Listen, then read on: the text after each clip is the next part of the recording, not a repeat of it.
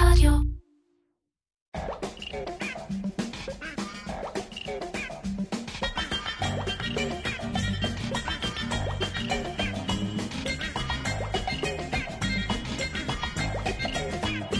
איר פודקאסט על פרסום, שיווק ובעיקר קריאייטיב, עם מירן פחמן.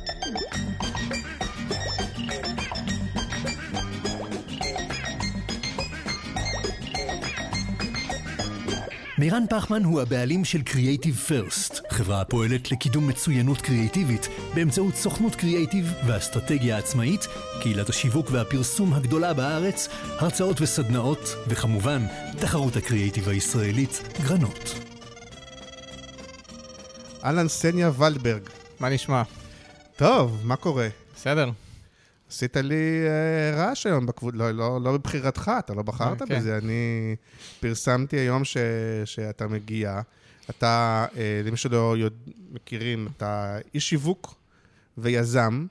אה, כבר הרבה זמן, נכון? כן, נראה לי... 17 שנה בערך. אני יודע, תופס אותך כאיזה צעירצ'יק, אבל כבר, כבר יש האיש אה, שיווק פזם. יותר מיזם, אבל כן. כן. וידוע, א', גם ב, אה, בקמפיינים פוליטיים שעשית לדבר על זה, נכון. אה, גם חלק מכירים אותך אולי מהטלוויזיה, לא יודע, יש לך את אנבלה, שזה החלק של היזם, כן. נכון? כן. אה, שזה משאבת חלב כזאת? כן, משאבת חלב שמדמה יניקה של תינוק, אנחנו שואבים כמעט פי שתיים יותר חלב מהמתחרים, כמעט פי שתיים יותר נעים. יצאנו לשוק בישראל כבר, עוד מעט אה, נכנסים גם לארצות הברית, שזה השוק העיקרי, בוא נגיד כן. ככה. הרבה שיווק של אה, מימון המונים. נכון, אה, אני גיוסי המונים, השקעות המונים אני עושה בעיקר. אמ, אז, והקטע הוא שפעם אחת, אמ, אני מרגיש ש, שיש איזה מין קווים מקבילים כאלה, אני, אני לא יודע, קצת קשה להסביר את זה, ומצד אחד יש את השיווק והפרסום הקלאסי, שאולי אני יותר בא ממנו, וגם חלק גדול מקריאיטיב פרסט, ופרסודי הפרסום והדיגיטל, וזה הקלאסיים, ויש איזה מין ערוץ כזה ש, שאתה שייך אליו, אפרופו העולמות של... אה, אני לא יודע אם זה עולמות של לידים, וגם עולמות של אה, ניוזלטרים, ופרפורמנס, ו...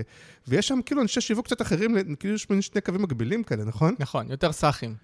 יותר, יותר שחקנים, אבל גם רובם, אתה דרך אגב כן למדת, נגיד, אה, אפילו ACC וזה, אבל הרבה מהם לא נכון. אנשים שלמדו בצורה מסודרת. אה, נכון, העולם הזה התפתח כתוצאה, אני חושב שכתוצאה מזה שגוגל ופייסבוק הוסיפו את כל אה, כלי הפרפורמנס הישירים, ואז אנשים פשוט הבינו שגם עם מודעות יחסית פשוטות, בלי יותר מדי קריאיטיביות, אבל שקולות בול לקהל היעד, אפשר לעשות הרבה מאוד כסף. אמ, ומה ש, שקרה זה שנוצר סוג של דור חדש של משווקים שלא למדו בצורה קלאסית. כן, אה, אני כן, אבל מהניסיון שלי ממליץ גם וגם. גם ללמוד את זה וגם ללמוד את זה. כי כשאני התחלתי להיות אני אגיד משווק... שנפתח את זה יותר מאוחר, זה מין טיזר כזה, אה, כאילו בסדר, אין בעיה. אה, וכן, גם נגיד המילה שהתחלתי להגיד קודם, זה שגם אתה מין בן אדם קצת שנוי במחלוקת כזה, ש... כן, אני רוצה להגיד שלרוב אני לא עושה כזה תחקיר לפני ש... כי אנחנו גם לא ממש מכירים, נפגשנו פעם אחת פה במשרדים שאנחנו כרגע יושבים, כן. ו- ואני מודה שגם לי הייתה איזו דעה או תפיסה עליך בלי שהכרתי אותך, אה, וחלק מהעניין שהוא גם לפני עכשיו שנפגשנו, אז אה, קצת אה, קראתי יותר, אה, עשיתי לך, אתה יודע, גוגל פה ושם, שמעתי פודקאסטים שבהם השתתפת, ניסיתי לדבר עם כל מיני אנשים, ש... ואני רוצה להגיד לך שגיליתי שמצד אחד, ושוב, יש איזה מקום או ערוץ שבו אנשים ממש כמעט מעריצים אותך, כלומר, אתה, אתה, אתה, אתה מטאור בו, נכון? בעולמות האלה, אפרופו מה שאמרנו, בערוץ המקביל הזה, כי גם יש לך אה, עבודות, הצלחות מוכחות. אה, אפילו זה שכאילו עשית בעצמך לא מעט כסף, סימן שהצלחת, נכון? כאילו... אה, גם, וגם עזרת אה, לאחרים. וגם יש מקומות, וזה ראינו גם בקבוצה, שבהם זה שם שהוא משהו שלילי, וזה משהו שאנשים מתנגדים לו, ועלו שם, וגם אולי נדבר על זה אחר כך, איזשהו קשר לקורס אמנות פיתוי, ונשים שמתנגדות, ועלה איזה משהו שלא הכרתם לפני, שכנראה יש איזה משהו מימי ישראבלוג ו- וזה, או או לא יודע, כן. מתחילת האינטרנט. לא, אבל אה, זה שטויות ספציפית. לא, אבל, אבל אתה מעורר, כן. יש גם התנגדות, ו- ויש כמובן דברים פוליטיים שקשורים להסתדרות, שקשורים ל... פוליטיקה, ל- כן, טוב. א- אז אתה בן אדם שנוי במחלוקת. ברור. כל מי שנכנס לפוליטיקה אוטומטית אה, חוטף אה, בראש, זה כן. ברור, כי לא משנה מאיזה צד. זה, אין מה לעשות עם זה, זה הכללים. אה, מה שהופך את זה גם אולי למעניין, עצם זה שאתה בן אדם שנוי במחלוקת, כי אתה גם בן אדם שהוא לטוב ולרע מדבר דוגרי. מה כן, שקראת אני- בתוך, אני גיליתי, אתה בן אדם מאמין- חכם, זה אני. קראתי, שמעתי, אפשר להבין. אולי מתוחכם, אולי אה, עושה שימושים, לא יודע, אבל חכם, אינטליגנט, לא... לא... בוא נגיד ככה, בנוגע לדבר דוגרי, אני מאוד מאמין במשפט של מרק טוויין. אם אתה אף פעם לא משקר, אתה לא צריך לזכור כלום. אז גם אם אתה לא מחרטט, נאמר ככה, לא ממש משקר, אבל כאילו אומר דברים שאתה לא מאה אחוז מאמין בהם, כל מיני דברים כאלה, אתה גם צריך לזכור מה אמרת. אני מאוד מאמין ללכת תמיד עם האמת שלך. אם שינית את דעתך, שזה לגיטימי, אתה יכול לשנות את דעתך, אז תגיד, הכל טוב. אבל, אה, אבל אני מאוד מאמין בלא לאמץ את המוח שלך, בלנסות להתפתל וזה, וזה אחת הסיבות למה אני תמיד סירבתי כשהציעו לי להצטרף למפלגות, ממש כן. להיות חבר כנסת. אני כן, אין ברירה, אתה לא העליתי על דעתי שאני בכלל ארצה יום אחד לעשות דבר כזה. אז אני חושב שיהיה אבל, פרק אה, מעניין מהבחינה הזאת, שזה באמת, אה, לא לדבר עם האנשים הרגילים שחושבים כמוך עליהם, אני חושב שגם אתה קצת תאתגר אותי, אבל אנחנו נתחיל גם השבוע אה, בלדבר קצת אה, על נושא של אה, נותן החסות, אה, שמלווה אה, אותי אה, גם בפודקאסט, אה, נדבר על סמוב, שהיא הפלטפורמה המתקדמת ביותר לניהול מערכות יחסים עם הלקוחות, אה, ואני דיב- דיברתי הרבה בפרקים האחרונים על הניוזלטר שלי, הקיצר, ואיך... אני עושה ניוזלטר שהוא... בדיוק כששמעתי אותך בפודקאסטים שמדבר, מדבר על אה, נגיד ש-50% פתיחה זה נתונים יפים, נכון? זה מטורפים, אבל כן, לא, למרות שהפעם אצלי, אבל כשאני אומר, זה זה ניוזלטר שהוא נורא תוכן, כאילו, אני לא, נכון. הוא לא של, אז כאילו, אז הוא- ניוזלטר שהוא תוכן, אני לא מעל- קופונים. מעל 30 אחוז זה הגיוני, כן, סבבה? אה, בוא נגיד ככה, כשאתה עושה ניוזלטר שהוא פרסומות בעיקר, 10 אחוז זה סביר. בסדר? כן. אבל כשאתה עושה ניוזלטר שהוא תוכן, גם אצלי אגב, יש רשימת תפוצה עם אלפי אנשים, כולל כמה בכירים בתעשייה שעוקבים אחריי באופן קבוע. אני מאוד משתדל שהתוכן באמת יהיה מעניין, אה, מעשיר. אני מסכם ספרים לפעמים מעניינים, נותן איזושהי זווית מעניינת. אה, כל פעם שאני קורא נגיד ספר חדש קשור לעולם העסקים, שיווק, אני משתדל לסכם את הנקודות החשובות, לשלוח לרשימת תפוצה שלי. אה, ואני גם בדרך כלל ממליץ להם איפה לקרוא אותו, אם, או איפה אפשר להקשיב לו, אם יש הקלטה שלו. וואלה, אז אה. בוא אולי נעשה שידוך ל- לניוזלטר שלי, כי אני בעצם עושה אגרגציה מתכנים של אחרים, כי אני פשוט אין בעיה. יותר שמעתי אני, שאתה... אני גם מפרסם, אה, אני הרבה, אני מאוד אוהב לפעמים אנשים שמפרסמים דברים פרקטיים, אני כותב, זה, הבן אדם הזה פרסם ככה וככה, תראו, אמר משהו חכם, אני מפרסם הרבה, כאילו, תכנים של אחרים, כי המטרה של הרשימה הזאת היא בעיקר לתת ערך גדול מאוד למי שעוקב אחריי. זאת אומרת, ככה זה התחיל. אני התחלתי אותה דווקא כשהייתי כמעט בדיכאון, ממש, אני כאילו, אה, הייתי כזה קצת חסר אונים, כי נכנסתי גם כן. ליזמות, לקחתי לעצמי המון המון המון אה, משימות בחיים, וזה היה נורא נורא קשה. ואמרתי, טוב, אין לי תחביבים, אני לא עושה כלום חוץ מלעבוד, אני חייב לחזור לעשות משהו. אז אמרתי, טוב, מה הייתי עושה פעם? כתבתי. אז אמרתי, או, אני אכתוב משהו. פעם הייתי כותב מצחיק וזה, ואז באתי לכתוב, ולא היה לי על מה לכתוב, כי אתה לא יכול פתאום להדליק את זה תוך שנייה, אחרי ששנים לא כתבת שום דבר אה, מצחיק או מרגש או מעניין.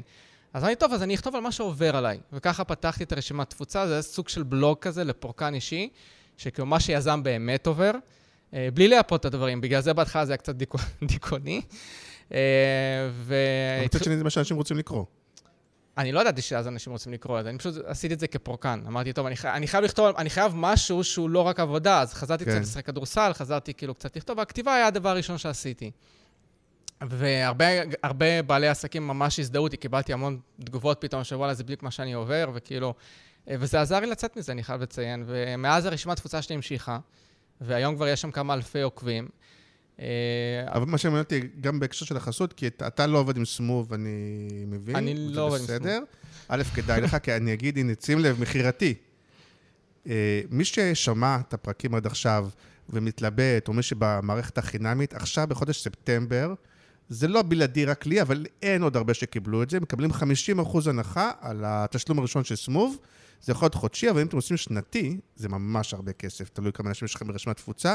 אז יש, אה, אה, יהיה מין קופון כזה, קוד בתיאור הפרק, שהחודש יהיה 50 אחוז אה, הנחה על, ה, על סמוב, אז מאוד מאוד כדאי, אבל כן מעניין אותי שתספר, כי אני הרבה מדבר על מערכת יחסים עם הלקוחות ודברים כאלה. שוב, להרבה פרסומים קלאסיים הם לא כל כך מבינים מה זה אומר, ודווקא אתה מאוד מתעסק, נכון? בדבר הזה שהוא כן. מערכת יחסים, אז בלי קשר, לא חשוב עם איזה מערכת אתה עובד. תסביר רגע איך, מה זה אומר ואיך מזה מביאים שיווק או מכירות, אה, איך מטפחים מערכות יחסים. אז ככה, אחד הדברים שאני גיליתי עוד מזמן, שכשאתה מתחיל באופן קבוע לכתוב על איזשהו נושא, לפעמים, סתם כי זה מעניין אותך ואתה רק רוצה לחקור את זה, אתה אוטומטית הופך לסוג של גורו כזה בנושא הזה, ככה אנשים תופסים אותך, כי אתה כותב על הנושא הזה. כן. Uh, לצורך העניין, כשהתחלתי לכתוב הרבה על כלכלה, בגלל הקמפיינים הפוליטיים, פתאום הזמינו אותי להרצות על כלכלה, ואני אומר, תגידו, אתם רציניים? אין לי תואר אפילו בכלכלה, אני פשוט כאילו חקרתי את זה מסתם כי התעניינתי. אבל אה, מבחינת אנשים, אני איזושהי סמכות כלכלית. אה, וזה היה די, אה, זה די מצחיק, אני חייב לציין, בנושא הזה ספציפית. אבל ברור שבשיווק, כן, אני מתעסק בזה שנים, אז פה אני קצת יותר מקצועי. ברגע שאתם נותנים טיפים טובים ונותנים ערך ללקוחות באופן קבוע, הם פשוט סומכים עליכם יותר, וכשהם ירצו לעשות איזשהו קמפיין, יש יותר סיכוי שהם יבואו אליכם.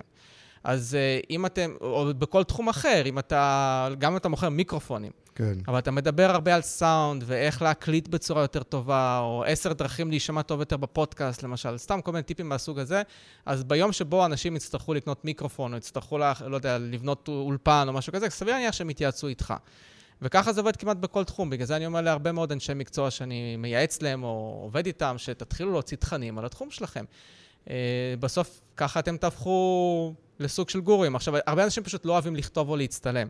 אני מאוד אהבתי תמיד לחלוק ידע. כל פעם שלמדתי כן. משהו מגניב חדש, אני פשוט רציתי לחלוק את זה עם העולם. ככה גם הבלוג שלי בין היתר תפס בגלל זה, כי מישהו סיפר לי איזה משהו מגניב שעזר לי איכשהו בחיים, בוא'נה, אני חייב לפרסם את זה, כי, כי עוד אנשים זה יכול לעזור להם. וככה הרבה אנשים לומדים הרבה מאוד דברים מהבלוג שלי, שגם לי היו שולחים כל מיני דברים מעניינים כדי שאני אכתוב עליהם. אבל אני אגיד לך דבר והיפוכו. אחד, אה, הרבה פעמים, סתם, אמרת את המיקרופונים, אז הרבה פעמים אה, אנשים שרוצים לקרוא מיקרופונים, או כמעט בכל תחום, אז יש המון אנשים שמייצרים בדיוק את אותם תכנים, אתה יודע מה אני מתכוון? נכון. וכאילו, נכון. ואין בידול ביניהם. ו... ואחר כך אני אגיד לך את ההפוך. אבל איך אתה מצליח? כי הרבה פעמים, בגלל שכולם יודעים שזה מה שצריך לעשות, אז הרבה מייצרים, וזה תוכן שפתאום נהיה okay. אוקיי, כמעט גנרי. אז כן, אז ברגע שאתה עושה סוג של copy-paste, גם אם זה לא copy-paste, אבל סוג שנתת ל-chat GPT לכתוב לך את התכנים נגיד, כאילו, כן. אז ברור שזה פחות טוב, כי לא יהיה שם איזושהי אמירה חדשה או מעניינת. אז אח, אחת האומנויות פה זה להביא את התוכן ככה שהוא יהיה בר שימוש. כלומר, לא רק לכתוב מאמר על, אה, לא יודע, על, על מיקרופונים, אלא ממש לתת מדריך, שמחר הבן אדם קרא את המאמר הזה, והוא אשכרה יכול ללכת ולעשות עם זה משהו, משהו שיעזור לו. כן. Uh, בגלל שהייתי גם מורה כמה שנים בחיי, והתעסקתי הרבה בהדרכות, הרצאות וכולי, אז אני יודע מה, איך להעביר את התוכן בצורה כזאתי, שאנשים יוכלו ליישם אותו. ובסופו של דבר, המטרה שלי גם הייתה, בכל פעם שהייתי כותב איזשהו משהו, זה, זה להסביר להם מה בדיוק אתה עושה החל ממחר, או החל מרגע זה, אם אתה רוצה להתחיל לעבוד על זה עכשיו, כדי לטפל בבעיה שיש לך, אה, ואז, א' כל הפוסטים נהיים יותר ויראליים, כי אנשים שזה עזר להם רצו לשתף גם אחרים. יש הרבה אנשים שרוצים לשתף ידע בעולם הזה, כי הם כן. רוצים לעזור לאנשים אחרים גם כן. אה, ו- וגם אה, אנשים שלמדו ממני ערך פשוט עקבו אחרי עוד ועוד פוסטים ועוד ועוד מיילים. אז את רוב המיילים והפוסטים שלי שהם אה, טיפים, אני משתדל קודם כל אני לכתוב, כי צ'אט GPT או copy-paste ממקום אחר, לא תמיד יודע, הם לא תמיד יודעים להסביר לך איך, מה בדיוק לעשות החל ממחר. וגם אני בדרך כלל מנסה לדמיין איך אני הייתי נתקל בזה לראשונה, אם עכשיו אני הייתי עם הבעיה הזאת, ואם אני הייתי קורא את הפוסט הזה, מה הייתי רוצה שיהיה כתוב שם שיעזור לי. נכון. כי ו... בסוף אנשים לא כאלה שונים אחד מהשני. אני, כאילו, גם אם, אם לי זה עזר, סביר להניח שזה יעזור גם לעוד אנשים אחרים. אז זה, זה הגישה שאני בדרך כלל הייתי יוצא ממנה. כן, ואם יורשה לי להוסיף, אני מלא שגם שואלים את השאלות וגם עונים את התשובות. אתה מכיר את המראיינים של... לא, אבל תגיד אם אתה מסכים או לא. אה, כי זו מילה שחוקה, והמילה של storytelling, אבל לפעמים כן, מעבר למדריך היבש, ה storytelling אפילו, א', לספר בעיניי סיפור אישי משלך. א', להחליט שאתה מספר את זה לפעמים כסיפור. נכון. או להתחיל באיזשהו סיפור, ואפילו בסיפור משלך, או אפילו עם משהו אישי משלך.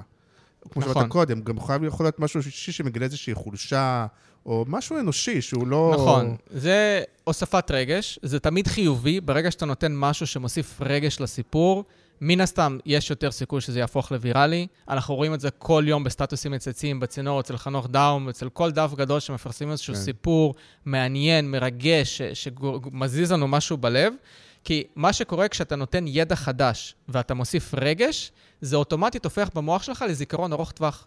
אם אתה רק נותן ידע, זה לא יהפוך לזיכרון ארוך טווח אוטומטית, בלי חזרה כמה פעמים. אם אתה רק נותן כן. רגש, כנ"ל, שמעת סיפור יפה. אבל אם אתה מחבר את שניהם, גם לימדתי אותך משהו חדש וגם גרמתי לך להרגיש, אתה כנראה תזכור את זה להמון שנים. זה כמו בסרט המצויר הזה, איך קוראים לו, עם, אה, עם ג'וי, שכאילו יש רגע משמעותי, אז נוצרת איזה גולה כזאת, קוראים לסרט הזה? הכל בראש. אה, אה, אוי, אה, נכון. אני לא... אוי, אופס, זה עושה כן. רעש חזק. אה, אני לא זוכר, אבל ראיתי אותו פעמיים עם הבת שלי. בארץ נקרא. בעברית נקרא נקרא לזה הכל בראש. אבל כן. תגיד, ובצד השני, אפרופו, אה, כשאני באמת עשית, עושה את הניוזלטר הזה, ואני באמת עושה אגרגציה, אז להפתעתי, אני מגלה שאין כמעט אנשים שכותבים תוכן בעולם השיווק, פרסום, AI, אה, עיצוב, אני מנסה לחפש כל מיני... אין מספיק אנשים שכותבים באופן קבוע, בצורה סבירה אפילו, כש, כשזה באמת, זה הדבר הראשון הכי קל כדי להיות מומחה. תראה, אה, מבחינת... אה, הרבה זה שאלו אותי... ההיפוכו של הקודם, כן? אה, הרבה שאלו אותי איך אני אכתוב ככה שזה יהיה מעניין. אז אני לא יודע, אין לי איזושהי נוסחה אה, מתמטית איך להפוך לכותב טוב, מלבד אולי לראות את כל הקורסים של דן בראון ודויד בלדאצ'י, וזה אלה שקיימים באינטרנט. אגב, צפיתי בהם, ממליץ לכולם. מה, ש, מה שעזר לי לכתוב בצורה כזאת, זה שפשוט תמיד כשכתבתי טקסט, אני נורא, היה לי חשוב לדמיין איך הקורא ייתקל בטקסט הזה פעם ראשונה, וכדי שזה יהיה מעניין בשבילו, נורא רציתי להיות המשרת של הקורא שלי, כן. אה, והתאמנתי המון. אני לא הייתי כותב טוב בהתחלה, הייתי כותב המון שגיאות כתיב, לא היה לי כישרון לשפות בכלל, היה לי כישרון למתמטיקה. הייתי טוב במתמטיקה, פיזיקה, תכנות, שפות, אני אתה כתבתי... לא יליד הארץ, נכון? אני לא יליד הארץ, היה לי שגיאות גם ברוסית, גם בעברית. מתי עלית לארץ? בגיל חמש. אוקיי. כאילו עליתי, ידעתי רוסית, אה, אבל בגלל שהתאמנתי המון, אה, ופש... כי פשוט רציתי לכתוב, נהניתי לכתוב, נהניתי לשתף ידע, אז השתפרתי בזה כל, כל הזמן, אני גם נורא רציתי להשתפר כל הזמן. זאת אומרת, לא היה לי באמת כישרון כתיבה. אה, הרבה אנשים חשבו שנולדתי עם איזשהו כישרון כתיבה, זה ממש לא נכון, הייתי כותב גרוע ברמות. הדבר היחיד שאולי כן היה לי כישרון עליו, זה לספר את הסיפור בצורה לא משעממת. כלומר, כי, כי אני הייתי משתעמם יחסית בקלות, היה לי קוצים בתחת, אה, היה לי היפרטונוס, היפראקטיבי. כן. אה, זה בדרך כלל גם בא עם בעיות קשב וריכוז, למרות שאצלם לא כאלה חמורות, אבל אה, יח... כאילו, אני לא מאלה שצריכים ריטלין, אבל כן, זה לא... רגע, גם, אז גם אני- לי יש את אני אסגור את הקטע הזה. הפרק הזה ואני רק אגיד, שאז בניוזלטר הקיצר כן כותבים אנשים כמו עומר מלביצקי, ורז מצנע, ותומר צוקר, ושירלי קנטור, וארז רובינשטיין, ונעמי כרמי, וזיו שיינפלד, וטינק, ובאמת כל מיני כותבים שהם, חלקה, חלק מהשמות הכרת, נכון? כן, ברור. הננת פה. אה, בכל מיני נושאים, וכדאי להצטרף, אז אה, הלינק יהיה ב- גם בתיאור הפרק. נגיד גם תודה רבה לאג'ו שמשווקים את ספוטיפיי בישראל. ו, אה, ונמשיך, כי אנחנו לא סתם מדברים הרבה על הנושא הזה, כי בסוף הרבה, מה, מהרושם שלי, הרבה מהעבודה היומיומית שלך היא באמת, היא, היא פחות קמפיינים כאלה של סרטים וטלוויזיה וזה, נכון. והיא היא באמת... אה, מין עמודי נחיתה, ניוזלטרים, אס.אם.אסים, פרפורמנס אולי של כל מיני... ת, תגיד אתה, מה... מה... תראה, גם, עשיתי גם המון פרסומות. אה, לא, אבל ביום-יום, אבל, כאילו, כאילו- מה, מה, מה בעיקר אתה עושה? ביום-יום אני בעיקר, כן, מתעסק באסטרטגיה שיווקית, אני כותב אה, דפי נחיתה לקמפיינים. היום אני מתעסק הרבה בהשקעות המונים, אז אני הרבה קורא על טכנולוגיות וסטארט-אפים שאני מתעסק בהם. אני כותב להם את הדף נחיתה כדי להנגיש את זה למשקיעים, כי לפעמים בא אליך איזה מישהו עם טכנולוגיה נורא מורכבת, ולך תסביר את זה עכשיו למשקיעים בצורה פשוטה. כן, אה, אז רק תסביר בצורה פשוטה מה זה השקעות המונים, ומה ההבדל בין זה לבין מימון המונים. אוקיי, אה, השקעות המונים זה כשאתה מגייס כסף מהמון משקיעים. כן. כלומר, אתה לא סתם תורם לזה כסף, אתה מקבל מניות, ואם החברה מצליחה, אתה יכול לעשות רווח. אתה יכול כן. גם להפסיד כמובן את הכסף, כן? זה, זה סטארט-אפים זה תחום אה, מסוכן, למרות שיש גם השקעות המונים לנדל"ן ולתחומים שהם כאילו פחות מסוכנים, פשוט התשואה יותר קטנה.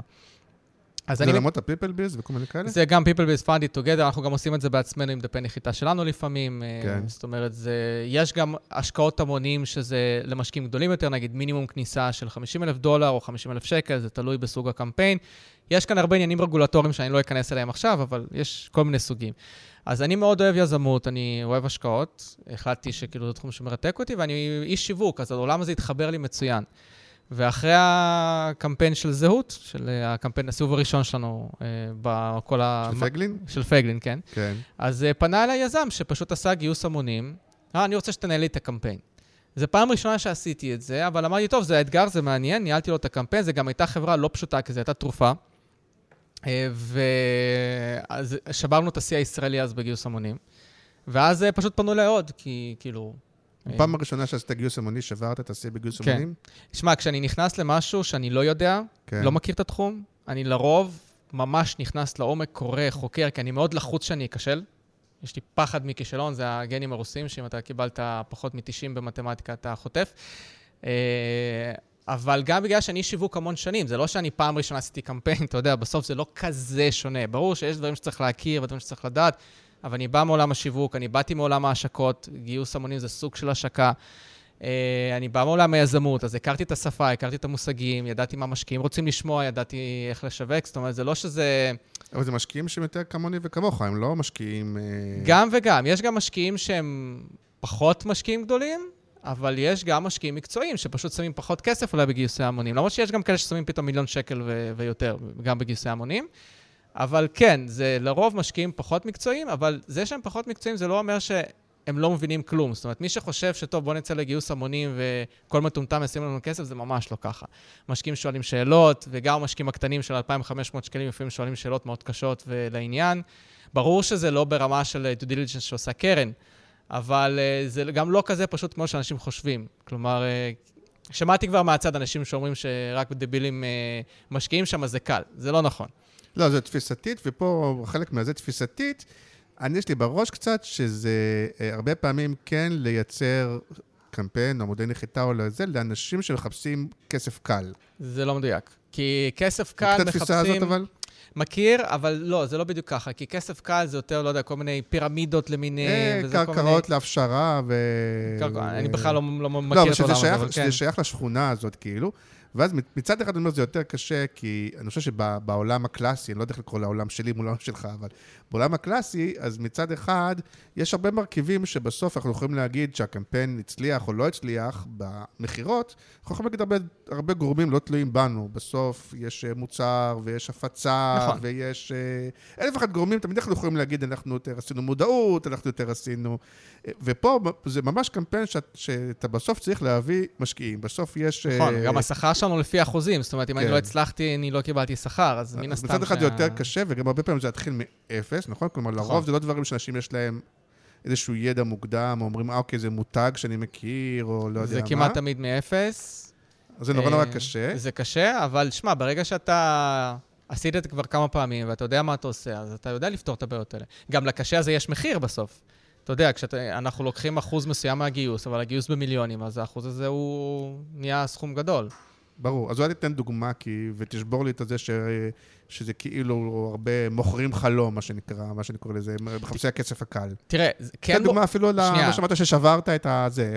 אתה כן מוכר חלום. גם כן. כשאתה הולך לקרן הון סיכון עם משקיעים הכי מקצועיים בעולם, גם כשאתה יושב מול וורן באפט, אתה מוכר לו חלום כשהוא רוצה להשקיע בך. פשוט השאלה היא איך אתה מוכר אותו. כן. אם אתה מוכר אותו עם נתונים, מספרים, עובדות, או שאתה מוכר אותו עם Buzzwords ומשפטים שאין מאחוריהם כיסוי. כן. Uh, בסופו של דבר, קודם כל, אני לא רוצה לקחת לקוחות. שאני לא מאמין שיש להם סיכוי להצליח. אמ, אני בכלל אה, בשנה האחרונה, עכשיו בדיוק הייתה לנו שיחה עם, ה... עם השותפים שאמרתי, אני כמעט לא רוצה להתעסק יותר בחברות שאין להן הכנסות. כן, כי אני רוצה כי... להוריד את הסיכון למשקיעים, אני רוצה שה... שהסטארט-אפים שלנו יצליחו יותר. עכשיו, ברור שיש לפעמים טכנולוגיה פורצת דרך שעדיין אין, אין לה הכנסות, אבל יש פה פוטנציאל מטורף, אז אולי שווה לגייס לה. ברור שיש גם יוצא דופן כאן והכול בסדר. אה, זה הכל עניין של סיכון מול סיכוי. כי אם בא אליך סטארט-אפ עם שווי מאוד נמוך, אבל פוטנציאל גבוה, אז יכול להיות שהסטארט-אפ הזה יצליח ב... לא יודע, ב-20% הצלחה, אבל אם הוא יצליח, הוא יעשה פי 200 על הכסף. לעומת זאת, בא לך סטארט-אפ עם שווי מאוד גבוה, אבל עם הכנסות גדולות, אז הוא יכול לעשות לך פי שלוש על הכסף, אבל הסיכון מאוד נמוך. בסוף זה משחק של סיכון מול סיכוי. אבל אתה כן מוכר חלום תמיד. השאלה היא איך אתה מוכר אותו. אה, יש חברות שממש, בוא נאמר ככה, הן עושות משהו שבעיניי הוא לא כזה מוסרי, ממש נוקטות עמדה, אומרות זה סטארט-אפ טוב, תשקיעו, אנחנו בחיים לא נגיד דבר כזה. אה, אנחנו מחליטים את ההחלטת השקעה, אה, משאירים את החלטת השקעה למשקיע. אנחנו יכולים להציג לו את המידע, לספר לו מה קורה, אבל אנחנו לא, אנחנו לא נבוא וננקוט עמדה. יש לי חברים שלפעמים שואלים אותי אם יש לך משהו שאתה חושב שהוא טוב, אז אני שולח להם איזשהו דף נחיתה לקמפיין שאני חושב שהוא בעל סיכוי יותר טוב מאחרים. אני בדרך כלל מסתכל על הסיכון, פחות על הסיכוי, זאת אומרת, ככל שהסיכון יותר נמוך, ככה אני מעדיף. אה, אבל יש אנשים שאומרים, לא, זה לא מתאים לי, אני רוצה רווח פי 40, שלח לי גם כאלה עם סיכון גבוה, אבל אני רוצה, אם זה, אם זה מצליח, אני רוצה לעשות uh, מכה. אבל מה שהם עושים, הם לא משקיעים בחברה אחת, הם, הם מפזרים את ההשקעה בין כמה חברות. כי אם אתה תשקיע בחברה אחת בסיכון גבוה, אז כמעט ודאי שאתה תפסיד את הכסף. אבל אני, מה שמעניין אותי בעיקר, זה אם שומעים אותנו, כן, אנשי שיווק ופרסום, ואפילו קופי, או לא יודע מה, דווקא פעם מהעולם שלי כאילו יותר, מה הם יכולים ללמוד ולקחת דווקא מהעולם שלך, שהוא מבוסס מאוד תוצאות, שהוא מאוד uh, קונקרטי, שהוא מאוד, אתה יודע, אין בו כאילו... איזה עקרונות אתה יכול להגיד, או לפעמים אולי אתה רואה גם קמפיינים, מה שנקרא קמפיינים סטנדרטיים קלאסיים, ואתה אומר, איזה דפוקים הם, הם כאילו עובדים לא נכון, כאילו, אני יודע מהעולם שלי שזה... אוקיי, okay, אז ככה, תראה, החיסרון בלעבוד בשיטה שלי של פר תוצאות זה שאתה יכול לקחת פחות לקוחות במקביל. כן. כי זה מכריח אותך להיכנס לעומק. אתה לא יכול, אם, אתה נורא כישרוני נגיד בלעשות איזה שהם סוג של פרסומות, ואז אתה עושה copy-paste לפרסומות להמון המון לקוחות, אבל לא תמיד זה עובד. איפה? למשל, אתה נורא מוכשר בלא יודע, לעשות uh, טיקטוקים uh, מסוג מסוים, לא יודע. אה. שאתה רוקד uh, בחצאית ורודה ומפרסם איזשהו לא, מותג. אז אולי זו תפיסה שגויה שיש לך על העולם לא, לא שלי, משנה. אני לא חושב שזה כן, לא זה, עובד זה לא, ככה. זה לא נכון, אני יודע שזה כן. לא עובד ככה. דוגמה, סליחה, דוגמה לא טובה. Uh, ברור שכאילו גם במשרדי פרסום נכנסים לעומק ועושים בריף וכולי, אבל כשאתה עובד לפי תוצאה, אתה מחויב להכיר את המוצר הרבה יותר לעומק. כן. Uh, במיוחד בהשקעות, כי פה אתה לא צריך לשכנע רק לקנות את המוצר, אתה צריך לשכנע בן אדם להוציא כסף. אז אתה צריך, בוא, בוא נגיד שחלק גדול מהיום שלי הולך על קריאת מידע. Uh, והבנה בטכנולוגיות uh, מסוימות, ואיך זה עובד ולמה זה עובד. וככל שהלקוח יותר מורכב, זה גם לוקח יותר זמן. אה, כי אתה לא יכול פשוט לעשות פרסומת כזה שהיא מגניבה ומצחיקה מלמעלה, שגורמת לאנשים להתרגש, לצחוק וזה, ואז אה, חושף את המותג. אתה חייב להסביר להם ממש לעומק דברים, ולא רק עם מסר אחד, אלא עם הרבה מסרים, כי אנשים צריכים להיכנס לעומק ולקרוא את הכל. אני אתן לך דוגמה לפרויקט שהשנה אה, חקרתי, שלקח לי כמה שעות בוא נגיד הרבה שעות, רק להבין איך אני מנגיש את זה לציבור. משהו שקשור במדעי המוח ותרופה ש... אה, פסיכיאטרית, mm-hmm. שהייתי ממש צריך להיכנס ולדבר עם, להיכנס לעומק, לדבר עם המון מדענים בתחום ופסיכיאטרים וחוקרים, כדי להבין איך לעזאזל אני מסביר את הדבר הזה, בצורה פשוטה ויחסית קצרה עם הקשב הקצר שיש לאנשים באינטרנט, אה, כמו שצריך. ובלי לבלף או להגיד משהו שהוא לא מאה אחוז נכון. Uh, וזה מאוד קשה, זה מכריח אותך... לא יודע אם זה לבלף, אבל א', בוא נגיד ככה, לא בכל לבל... ה... לא בדיוק לבלף, אלא... בפרסום תמיד, עוד פעם, בפרסום תמיד, אני חושב, וזה תמיד בפרסום טוב, כן? כי תמיד יש רמאים. אבל בפרסום טוב, מה שנקרא, אומרים את האמת, רק את האמת, אבל לא את כל האמת. זה ברור. כן, אז פה אתה לא יכול לעשות אני... את זה. לא, לא, דווקא השאלה היא, גם רגולטורית, עם המניפולציה בעולם שלכם, הוא לא דווקא יותר חזקה. לא, תראה, בעולם ההשקעות... התגברות על, על חסמים ועל כל הזה, ויש משהו יותר מתוחכם במניפולציה וב... לא, תשמע, בעולם ההשקעות ספציפית הרגולציה היא כבדה, כי יש לך את הרשות ניירות לערך שיושבת עליך, ואם אתה עושה פאולים, אתה פשוט עלול לחטוף קנס של 250 אלף שקל על המקום. זאת אומרת, זה לא צחוק. עזוב שזה גם יכול להיות היבט פלילי, אם אתה ממש כותב נתון שהוא לא נכון. כן. אז פה אתה ממש, זה ממש קפדני, ואנחנו עוברים על כל דבר, אנחנו שולחים... לא, שום דבר מאיתנו לא יוצא אפילו בקצת, אה, בלי... שהלקוח יישאר והעורך דין שלו יישאר וכולי. זאת אומרת, פה זה הרבה יותר מורכב מהבחינה הזאת. אבל זה, אבל... זה חברות שכבר מונפקות כאילו? לא, גם אם לא מונפקות, ברגע שאתה יוצא לגיוס זה לא משנה. ברגע, גם אם אני עכשיו מגייס אותך כמשקיע על, על סטארט-אפ שלפני שנייה חשבתי עליו וכתבתי כן, על דף, עדיין כאילו יש רגולציה אם אני של שיקרתי, ה... כן? אם אני שיקרתי לך, לא, פה לא תהיה רגולציה, כי הרשות לניירות ערך פשוט לא תשים לזה לב, אבל זה שלא עושים לזה לב, זה לא אומר שהחוק לא מגביל אותך. כן. אם אני גייסתי אותך כמשקיע על בסיס שקר, אני חשוף לתביעה לגמרי, כאילו. זאת אומרת... כן, לא שקר, שוב, אנחנו, זה ה... אתה יודע. אולי לא זה גם קצת קשור, אפרופו לעולם הפוליטי.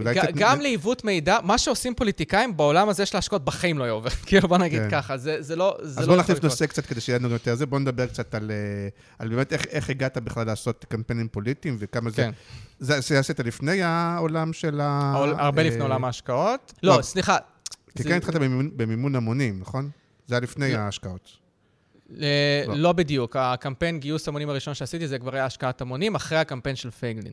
אז התחלת את עולם השיווק בעולם הפוליטי? סליחה, עשיתי סוג של קיקסטארטר לסטארט-אפ שלי לפני כן, אבל זה, זה גיוס המונים מסוג אחר. כן. כי זה לא השקעת המונים, זה ממש גיוס המונים כן, לפי מוצר. כן.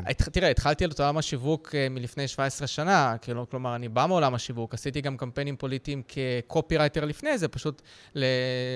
אתה יודע, בתפקיד יותר זוטר. נתנו לי כן. איזושהי משימה, אני, אני עשיתי לא, אבל ראיתי. שכתבת בקבוצה, ב, אני לא זוכר, בתגובה לאיזשהו סרטון, שעשית איזה משהו לבחירות מוניציפליות. גם למוניציפליות, אני? אני עובד גם עכשיו אה, בבחירות למוניציפליות. בראשון לציון זה היה עם ליאל אבן זוהר, כשהיא רצה לראשות העיר. כן. אה, עשיתי לאלי נחט באשדוד, גם עכשיו אני עובד עם אלי נחט באשדוד. עכשיו הוא רץ לראשות העיר, פעם קודמת הוא רץ ל- למועצה. עשינו קמפיין שכל המדינה דיברה עליו. עם אה, החרדים הזה? עם משהו? החרדים, כן. אה, זה... זאת אומרת, היה לי ניסיון ב, ב, בפרסום לפני זה, אז מן הסתם כל בחירות פנו אליי, כי כשאתה איש שיווק ששמים אליו לב, אז פוליטיקאים פונים אליך. לא, ופה תספר את ההתחלה, כי כאילו אתה אומר, מצד אחד למדת כזה בתרץ אגרנות, ומצד שני לא עבדת בעולם הפרסום לא, אני עבדתי בעולם הקלאסי. הפרסום בקלאסי, פשוט הייתי? יותר... הייתי יותר... אה, כאילו המק- הייתי יותר פרילנסר שעבד מהבית, אבל עבדתי כן. עם יהושע TBWA ומכאן אריקסון, כלומר, לא, לא ישבתי במשרד כן. ועשיתי קופי. נתנו לי משימות הביתה, עשיתי אותן וואלה? בבית ושלחתי, כן. כן, לא, זה גם מוזר קצת, כאילו כן. להתחיל כ- כפרילנס. אני לא רציתי... או לי- שיותר לקהל ה- שדובר רוסית? לא. לא, לא, לא קשור לדוברי רוסית. דווקא הרוסית שלי לא רמת שפת אם, העברית שלי הרבה יותר טובה, כן. ואפילו האנגלית שלי לדעתי קצת יותר טובה מהרוסית. אה, מבחינת איך שאני... לא, אתה יודע מה? לא, הרוסית שלי יותר טובה מהאנגלית. אני הגזמתי, קצת הגזמתי. אוקיי. קראתי יותר ספרים באנגלית, אבל עדיין. Um, אני פשוט uh, לא רציתי לעבוד במשרד פרסום, כי היה לי אז חלום אחר, להיות תסריטאי, כתבתי תסריטים וזה, אז אני... אבל בגלל שהייתי נורא טוב בדיגיטל, כי היה לי בלוג נורא פופולרי, אז נתנו לי משימות הביתה שקשורות לדיגיטל ספציפית. אה, זו הייתה תקופה שלקחו את הכוכבים של ישראבלוג, כן. וקראו לשני... אה, היה את יואב מאור, היה הרבה, כאילו... לא, את הבלוג, היה ישראבלוג, והיה עוד אחד, ש... תפוז? ש- כאילו של בלוגים כזה, של עוד פלטפורמה. תפוז. תפוז? היה תפוז, היה ישראבלוג, כן. אני אוקיי. הייתי בשניהם, אבל... אה, ואז לקחו, ואז כאילו ניסו לעשות איתכם כל מיני קמפיינים וכתיבות. לא, אני ו- פחות הייתי אושיית בלוגים. אני יותר, כן. במקרה הזה, במקרה הזה אני דווקא יותר הייתי קופירייטר שפנו אליו כי ידעו שאני טוב בתחום הזה. כן. גם חסקוש, דרך אגב, התחיל שם. אה, נכון, חזקוש התחיל שם, יואב מאור יואב כן. מאור התחיל שם. אני חושב כן. שיש לנו עוד כמה כאלה שאני פשוט לא... לא הרבה זוכר שרדו נראה לי אבל- מהזה. כן. לא, לא, לא כולם גם התאימו, כאילו, יש כאלה שזה לא... אני מכיר כל נכון. מיני ניסיונות של להעביר אותנו לעולם הפרסום שלא אבל- כל כך הצליח. חזקוש גם למד לדעתי ב... תרצה? או אצל תרצה, או כן, אצל כן, סיכוי אה. מישהו שם. בית הוא למד, או בית ספר, כן. זאת אומרת, לקחו אותי כי הייתי קופירייטר שהבין במדיה חברתית, הבין בלוגים. זה לא, כאילו, תרצה גרנות בעצמה שלחה אותי בהתחלה כל מיני. רעיונות עבודה. אז מפה איך אתה עושה סרטים לבחירות המוניציפליות? אז uh, פשוט פנו אליי בבחירות. אמרו לי, יש לנו ככה וככה מטרה, ככה וככה בעיה, איך פותרים את זה? וככה הגעתי לזה, לא, אין, אין פה איזה דרך מיוחדת. בתור מישהו יודע לכתוב בלוג אה, שפופולרי. לא, אני גם הייתי שיווק. שמע, היה לי חברת הפקות שהפקנו פרסומות uh, לאינטרנט, עם שותף שלי לשעבר. עשינו פרסומות שחלקן היו ויראליות. אני. הייתי הראשון שעשה פרסומות ויראליות בישראל. איך? לה, איך להסתיר שעת שמנה בפייסבוק, זה סרטון לדיאטה, שהיה הפרסומת הוויראלית הראשונה שצולמה בישראל כפרסומת ויראלית. זאת אומרת, שהיא לא צולמה לטלוויזיה, אלא כל המטרה שהייתה להיות פרסומת ויראלית. יש לזה... פה, איך להיות- איך להסתיר שאת איך? להסתיר שעת שמנה בפייסבוק. יש לה היום איזה לא 17 מכיר. מיליון צפיות. כן? אה, כן. זו הייתה הפרסום, ממש הפרסומת הוויראלית הראשונה בישראל שאני מכיר. אחרינו יצא טוויסטד עם אה, סרטון הבולבולים, אה, שהבולבול הישראלי הוא כזה וכזה, כן, שזה זה כאילו פרפרזה כן. ל- לבולבול אחר, ופרסומת לדורקס. אז הם יצאו קצת אחרינו, הפרסומת שלהם, זה גם היה גאוני, הבולבולים. כן. אה, אה, להצהיר שזה הפרסומת האוויראית הראשונה בישראל. אוקיי, לא יודע. מה? להצהיר שזה הפרסומת שמע, האוויראית הראשונה בישראל. בוא לא נגיד ככה, אני אתקן. הפרסומת הוויראלית הראשונה בישראל שאני יודע, כן, אני... שאני מכיר. כי, לפנינו, גם אם איזשהו סרטון פרסומת היה נהיה ויראלי, זה כאילו מהטלוויזיה... אה, על איזה שנה אתה מדבר?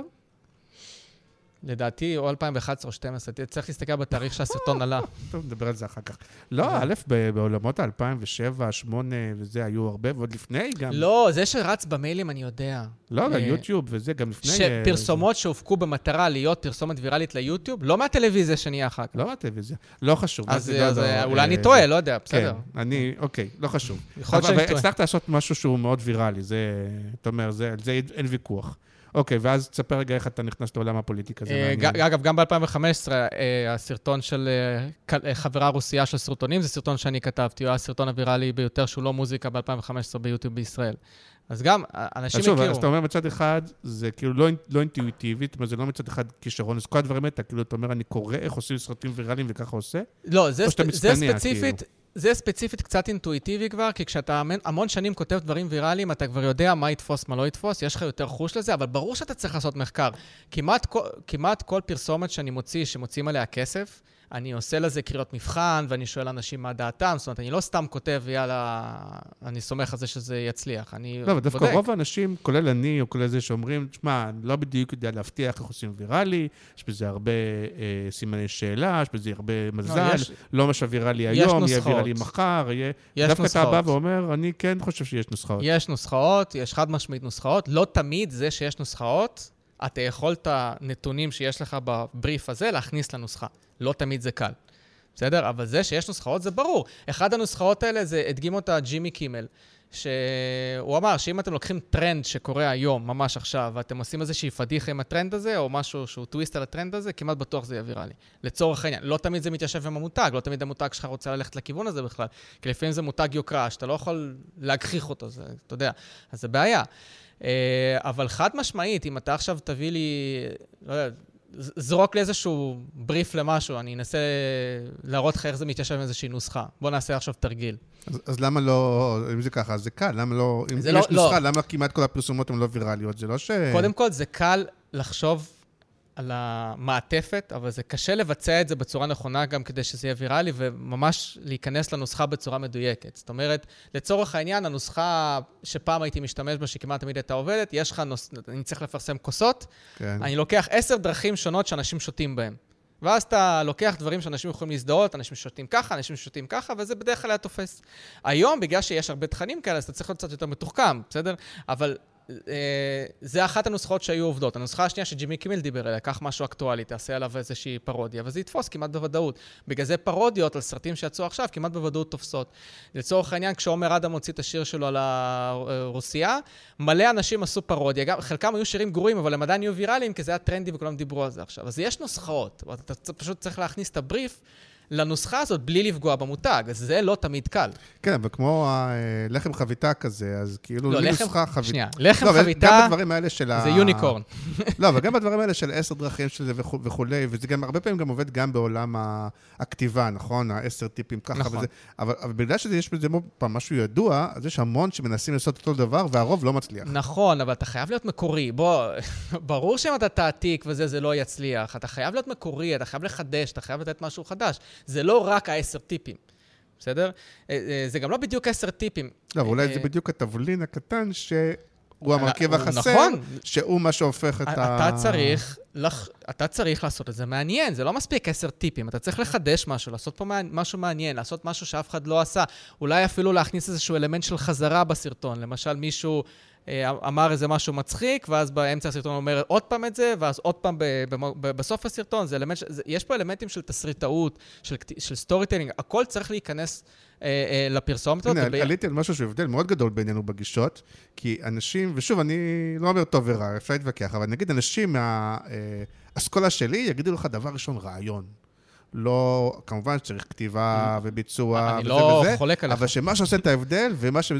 להביא את הרעיון. ואפרופו, אם הרעיון הוא עשר טיפים על, עשר טיפים פה, אז פה יכול להיות ש... לא, אבל עשר טיפים זה בנאלי מדי, זה לא בדיוק עשרה, עשר. אנחנו צריכים להגיד. כן, נכון. אבל אתה לא מתכוון שכאילו אומרים, מקדשים את הרעיון. עכשיו, עוד פעם, יכול להיות שבאת ואומר, תשמע, זה זה מיושן, או בעולם האינטרנטי לא כזה חשוב אמ, שהרעיון יהיה חדש ומקורי וחדשני, וזה אולי אתם חיים פה תראה, מה באיזה זה חשוב? פרדיגמה. לא תמיד בטווח הזמן והבריף שנתנו לך זה קל. אה, אז ברור. לפעמים, תשמע, גם אני בסוף יש זמן מוגבל, אז לפעמים גם אני מתעצל ואני אומר, טוב, אה, אני, אין לי עכשיו יומיים לחשוב על איזשהו רעיון סופר מקורי, בוא ניקח רעיון קצת פחות מקורי, אבל נעשה אותו טוב, בסדר? ברור ש, שכאילו... רעי- בעיניי להביא- יותר קל לחשוב על רעיון מקורי מאשר לנסות לכתוב כן, רעיון אבל ה- מקורי, אבל אבל זה הרעיון עניין המקורי- אישי, כאילו. תקשיב, הרעיון המקורי גם צריך להתאים. תמיד אפשר... ברור, אה, זה- זה פרסום. זה, זה אפרופו. הקושי. כי, כאילו. כי רק לעשות סרט על כוסות מים שאנשים יראו, זה לא... גם זה אפשר לדבר. א', אתה רוצה שהרבה יראו, אבל שתיים, נכון. אתה רוצה שזה... אוקיי, האם זה מתאים לכל הכוסות מים? למה זה מדבר על המותג שלך? האם בסוף נכון. זה מוכר, או נכון. לפחות אומר עליך משהו, יוצר העדפה, או יוצר משהו? זה גם ברור. כאילו... שוב, אם זה היה כזה קל, כולם היו עושים את זה. ואם בדיוק. כולם היו עושים את זה, זה כבר... אה, אז אה, אנשים היו מצפים לעליית רמה, ואז עוד פעם זה נהיה קשה. אז, אז אתה יודע, אז כאילו... רגע, אני רוצה להחזיר אותך לפוליטיקה, כי אני אוהב לדבר כן. על פוליטיקה, אז תספר לי בעיה. קצת. אז בוא נדלג על על ה- על האזורי, תספר לי רגע, כי יש לך סיפורים מעניינים גם על אה, פייגלין וגם על בנט, נכון? אז כן. וגם על אה, ליברמן אחר כך. גם על ליברמן, גם על, אה, כחלון, אם אתה סתם לא משנה. אה, אבל התחלת מה? התחלת בפייגלין. כן, אז מה שקרה עם זהות זה שאני, הגיעו הבחירות, ואני הייתי, אני בן אדם די פטריוט, ואני הייתי מתוסכל שאין לי למי להצביע, כי כל הפוליטיקאים מדברים בסיסמאות. אני- תזכיר לי רגע, אנחנו מדברים עכשיו על הרצף הזה של החמישה... כן, זה, החמישה ש- פוסט, זה התחיל מ-2018, סוף 2018, אני כותב כן. פוסט בפייסבוק שאין למי להצביע, כולם מדברים בסיסמאות, אני כאילו, די, אני באמת לא יודע למי להצביע כבר, אה, זה, זה זה מחרפן. קל, אתה רוסי, מצביע ליברמן, לא, לא, לא ברור אה, בזה, אתה נכנס, אתה אומר, אני לא רוסי ולא מצביע ליברמן. כן, אה, אני צוחק איתך כמובן, כן? אה, הכל בסדר, הצבעתי לליברמן לפחות פעם אחת בחיי, אבל לא תמיד. כן. אה, אבל לא בגלל שהוא רוסי. בכל מקרה, ואז אני כתבתי את הפוסט הזה, ואנשים התחילו להגיב לי בפוסט, אה, מה עם זהות, זהות, זהות. ואז, ואז זה עוד לפני שכולם הכירו את זהות, וזה, אז הסתלבטתי להם, אמרתי, טוב, חבר'ה, בבקשה מפלגות שקיימות, נו, כאילו זה. אז אה, אמרו לי, חכה, אולי במקום להסתלבט, תקרא את המצב, ותראה שיש פה משהו אחר. פייגלין, איפה הוא בא, דרך אגב? הוא היה מה... טוב, האמת הוא היה שהשמות... בליכוד בעבר, אבל בגדול הוא... בליכוד, וגם היה... כל האלה של המפד"ל שינו שמות אלף פעם. בעצם, לא אבל אין לו במפד"ל. זיקה, כי הוא ליברלי, נכון? אני לא יודע אם הוא היה במפד"ל, הוא כן, כן. ליברל, כן, אה, הוא היה בליכוד. הוא היה ליכודניק, נכון, נכון, נכון. אה, בכל מקרה, ואז אמרתי, טוב, אתם יודעים מה? יאללה, תנו צ'אנס, שלחו לי את המצע. שלחו לי את המצע, אני קראתי, אמרתי, טוב, שמעו, אני לא מסכים עם הכל 100%, בסדר? יש שם דברים כמו בית מקדש שהם קצת מוזרים, אבל בגדול, כן, אמרתי, וואלה, א' כל זכיתם בקול שלי. אה, אתם מדברים לעניין, סוף סוף מישהו שמביא לי fucking תוכנית, ש- שכאילו, אה, זה לא בדיוק הייתה תוכנית-תוכנית, אבל זה איזשהו חזון שאני יכול להגיד, אוקיי, לבן אדם הזה, הוא מדבר איתי בגובה העיניים, הוא, הוא, הוא, הוא כאילו נתן לי משהו שאני, שאני יכול להבין, לא סיסמאות שזה או אני או טיבי או כל מיני כאילו, דברים שאני מרגיש מטומטם רק מלהקשיב לזה. אה, אבל אמרתי להם, ואז הוספתי להם משפט לפעילים שלו, אמרתי, טוב, תשמעו, אבל אתם חייבים לעבוד על השיווק שלכם, כי הוא לא משהו. כאילו, רוב האנשים לא באמת ייכנסו ויכירו את הדבר הזה. בואו נודה על האמת.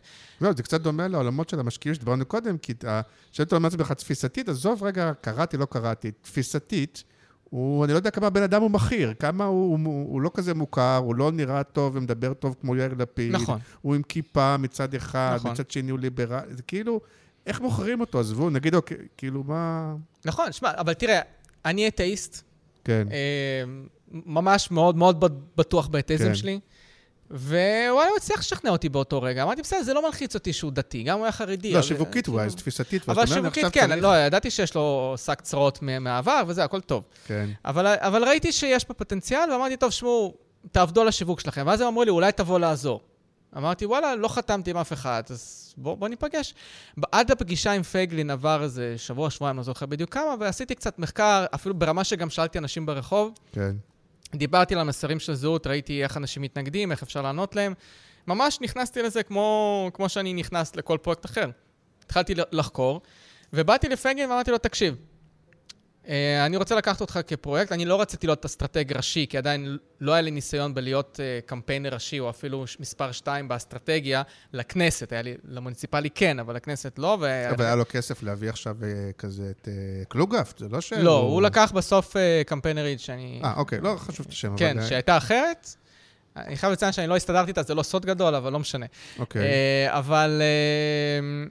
ואז אמרתי לו כזה דבר, אמרתי לו, אני רוצה, אני רוצה לעבוד איתך, כי א' כל אני הולך להצביע לך, ב' כל... אה, אה, טוב, כאילו, תשלום זה חשוב, כן, מתישהו, כן. כן. זה גם עבודה, אבל, אבל הסיבה העיקרית, חוץ מזה שאני הולך להצביע לך, זה שאני רוצה להוכיח שאני יודע כאיש שיווק, לקחת מפלגה שלא קיימת, אפילו בסקרים לא סקרו אותו אז, כן. ולהביא אותו לכנסת. ואני חושב שאם אתה תעשה פה הכל נכון, הלימיט שלך הוא שמונה מנדטים, כאשר אף אחד לא עושה אף פעם הכל נכון. כאילו, אנשים שומעים את השמונה מנדטים, רגע, פותחים את העיניים, אני, אני כאילו, רגע, מוריד לקרקע.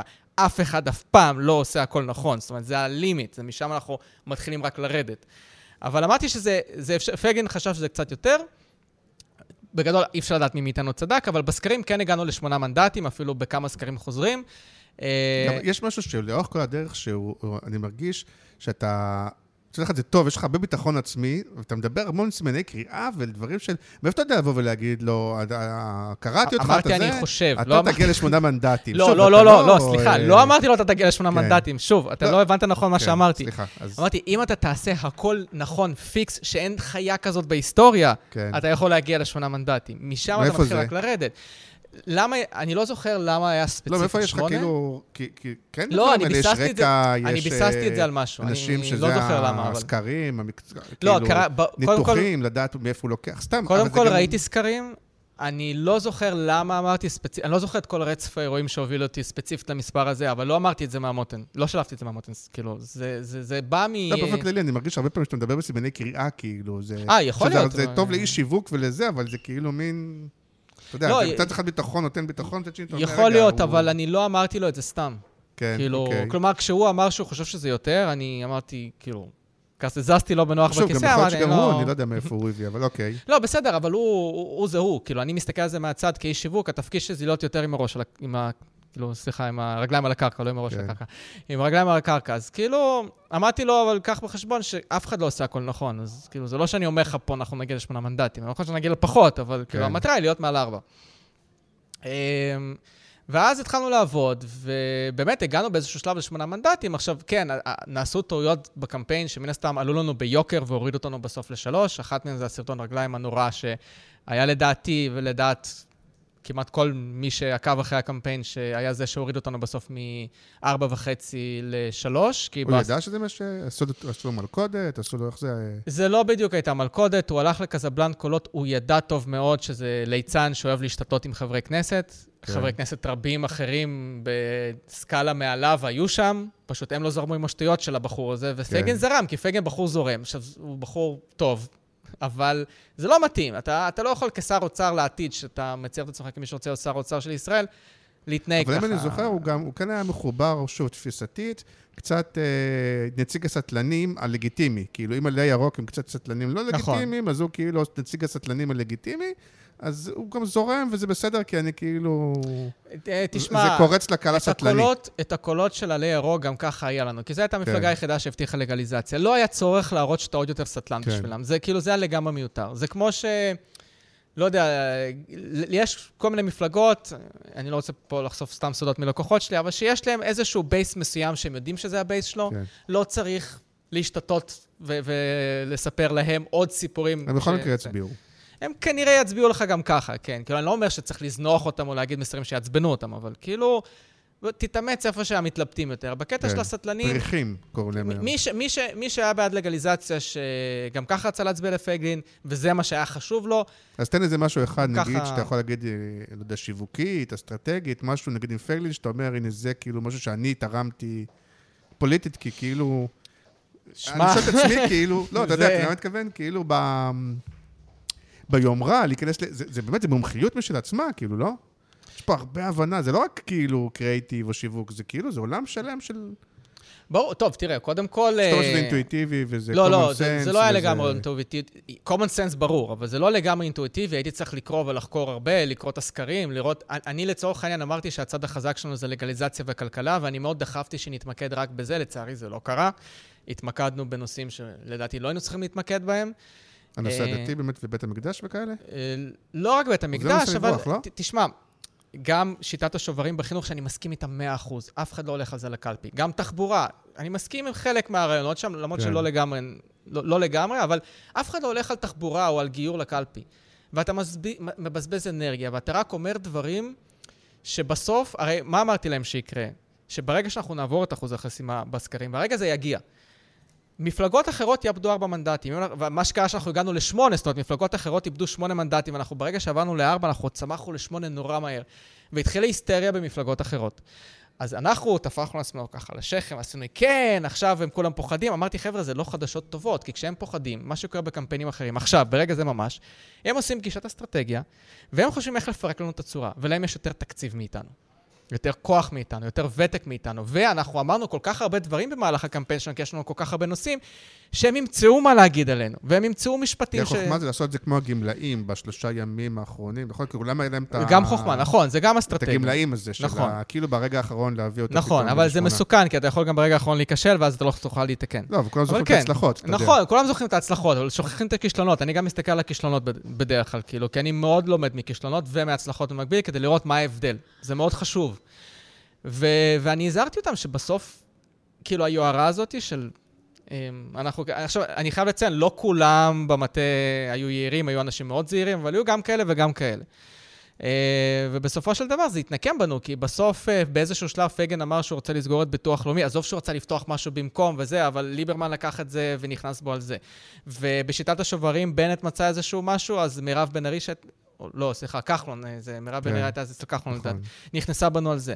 ועוד איזה משהו שאמרנו, נכנסו בנו על זה. ואז פייגן אמר באחד, באחד הלייבים, גוש הימין מעניין את הסבתא שלי, ואני תפסתי את הראש. למה זה נאמר, ואז הפעילים שלנו כל כך התלהבו מזה, כי הם רצו להכניס לביבי. בשביל זה אני אומר שיש פה... שהם ידדו את זה, לא ואני לא, תפסיקו. לא ניקח את דקויות, כי המאזינים יאבדו אותנו, אבל שיש בזה איזו מומחיות שאני חושב, אני מסתכל מהצד, שהיא כאילו הרבה יותר גדולה מה... אבל למרות זאת, כאילו, כן, כאילו הלכת ומה שנקרא, גדלת, ואחר כך מה עברת לבנט. או ש... לא, בבחירות אחרי זה עבדתי עם, עם ליברמן, כי מה שקרה... עם ליברמן קודם? כן, זה מה שקרה זה שעשינו גם קמפיין ברוסית לפייגלין, והצלחנו, לפי מה שליברמן טוען, הצלחנו לקחת לו קולות אז, כן. אז, אה, אז באתי לאיווט. השאלה היא, נגיד, אתה אומר, אני לא מבין, או אני לא כזה טוב ברוסית, אבל האם אתה מבין לא, את המנטליות? לא, אני מבין רוסית, לא, לא. אני מבין את המנטליות, אני מבין... כלומר, עזוב את השפה, אבל את המנטליות. אני דובר רוסית וקורא רוסית שוטף. אוקיי. אני פשוט, הרוסית שלי היא לא ברמה שאני יכול לכתוב קופי בלי שגיאות. כן, אבל זה פחות חשוב. השאלה, אתה אומר, אני מבין מה הקהל, טוב, זה סטריאוטיפ, הקהל הרוסי, מה שאנחנו קוראים העולים. אה, מה הם רוצים, ממה הם פוחדים, מה התפיסות שלהם. אני מבין יותר טוב כאילו מהממוצע. אני מבין יותר טוב מהממוצע, אבל אני לא יכול לבוא ולהגיד לך שאני יכול לנהל קמפיין למגזר הרוסי לבד, בלי, בלי אנשים לידי שיסבירו כן. לי את הדקויות מסוימות שהן לקהל דובר רוסית בלבד, לצורך כן. העניין, או שהרוסית היא השפה הראשונה שלהם. כאילו, הראשונה שמשתמשים בה ביום-יום. אז אני לא מגדיר את עצמי כרוסי, בסופו של דבר. אבל ברור שזה שאני מכיר את השפה, יודע לקרוא, זה, זה מאוד עוזר, מן הסתם. אה, אבל אני באתי לליברמן לא רק אה, כדי להביא לו עוד רוסים, זאת אומרת, יש לו גם הרבה מצביעים שהם לא רוסים. התפקיד שלי לא, אני, בסיבוב השנייה הזו הוא קיבל שמונה מנדטים, אני לא חושב ש... לא, אתה התחלת להגיד שאתה עבדת על הקהל הרוסי, לא עבדת רק על הקהל. נכון, עבדתי אצל פייגן על הקהל הרוסי, 아, אה, אוקיי, גם, בין היתר, כן. זה היה אחד התפקידים שלי, ולפי מה שאמרו לי, בישראל ביתנו, הצלחנו לקחת להם קולות של כן. צעירים, ליברליים וכולי, אז כאילו, אז הם הבינו שאני יודע מה אני עושה. כן. אה, כי תקפתי אז את ליברמן, הם, הם, זה לא סוד, אתה יודע.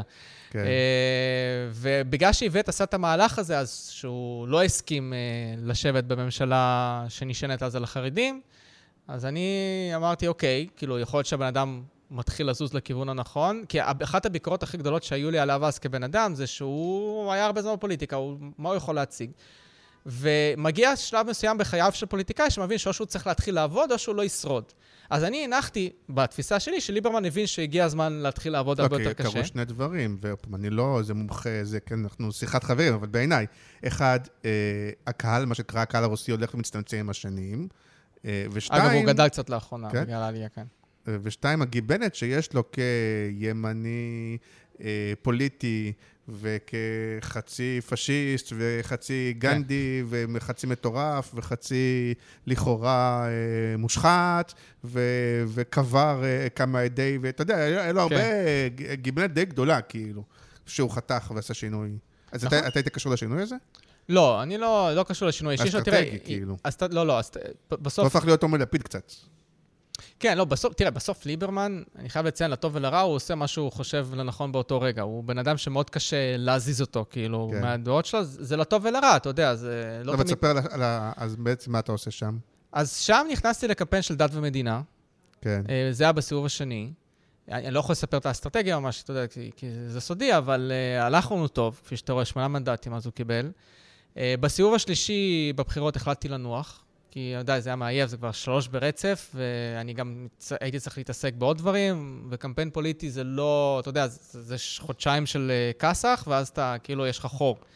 אז כן. זה לא, לא כזה בריא פיננסית. ואז uh, מה שקרה זה שהתחיל משבר הקורונה, uh, וקמה ממשלת ביבי גנץ.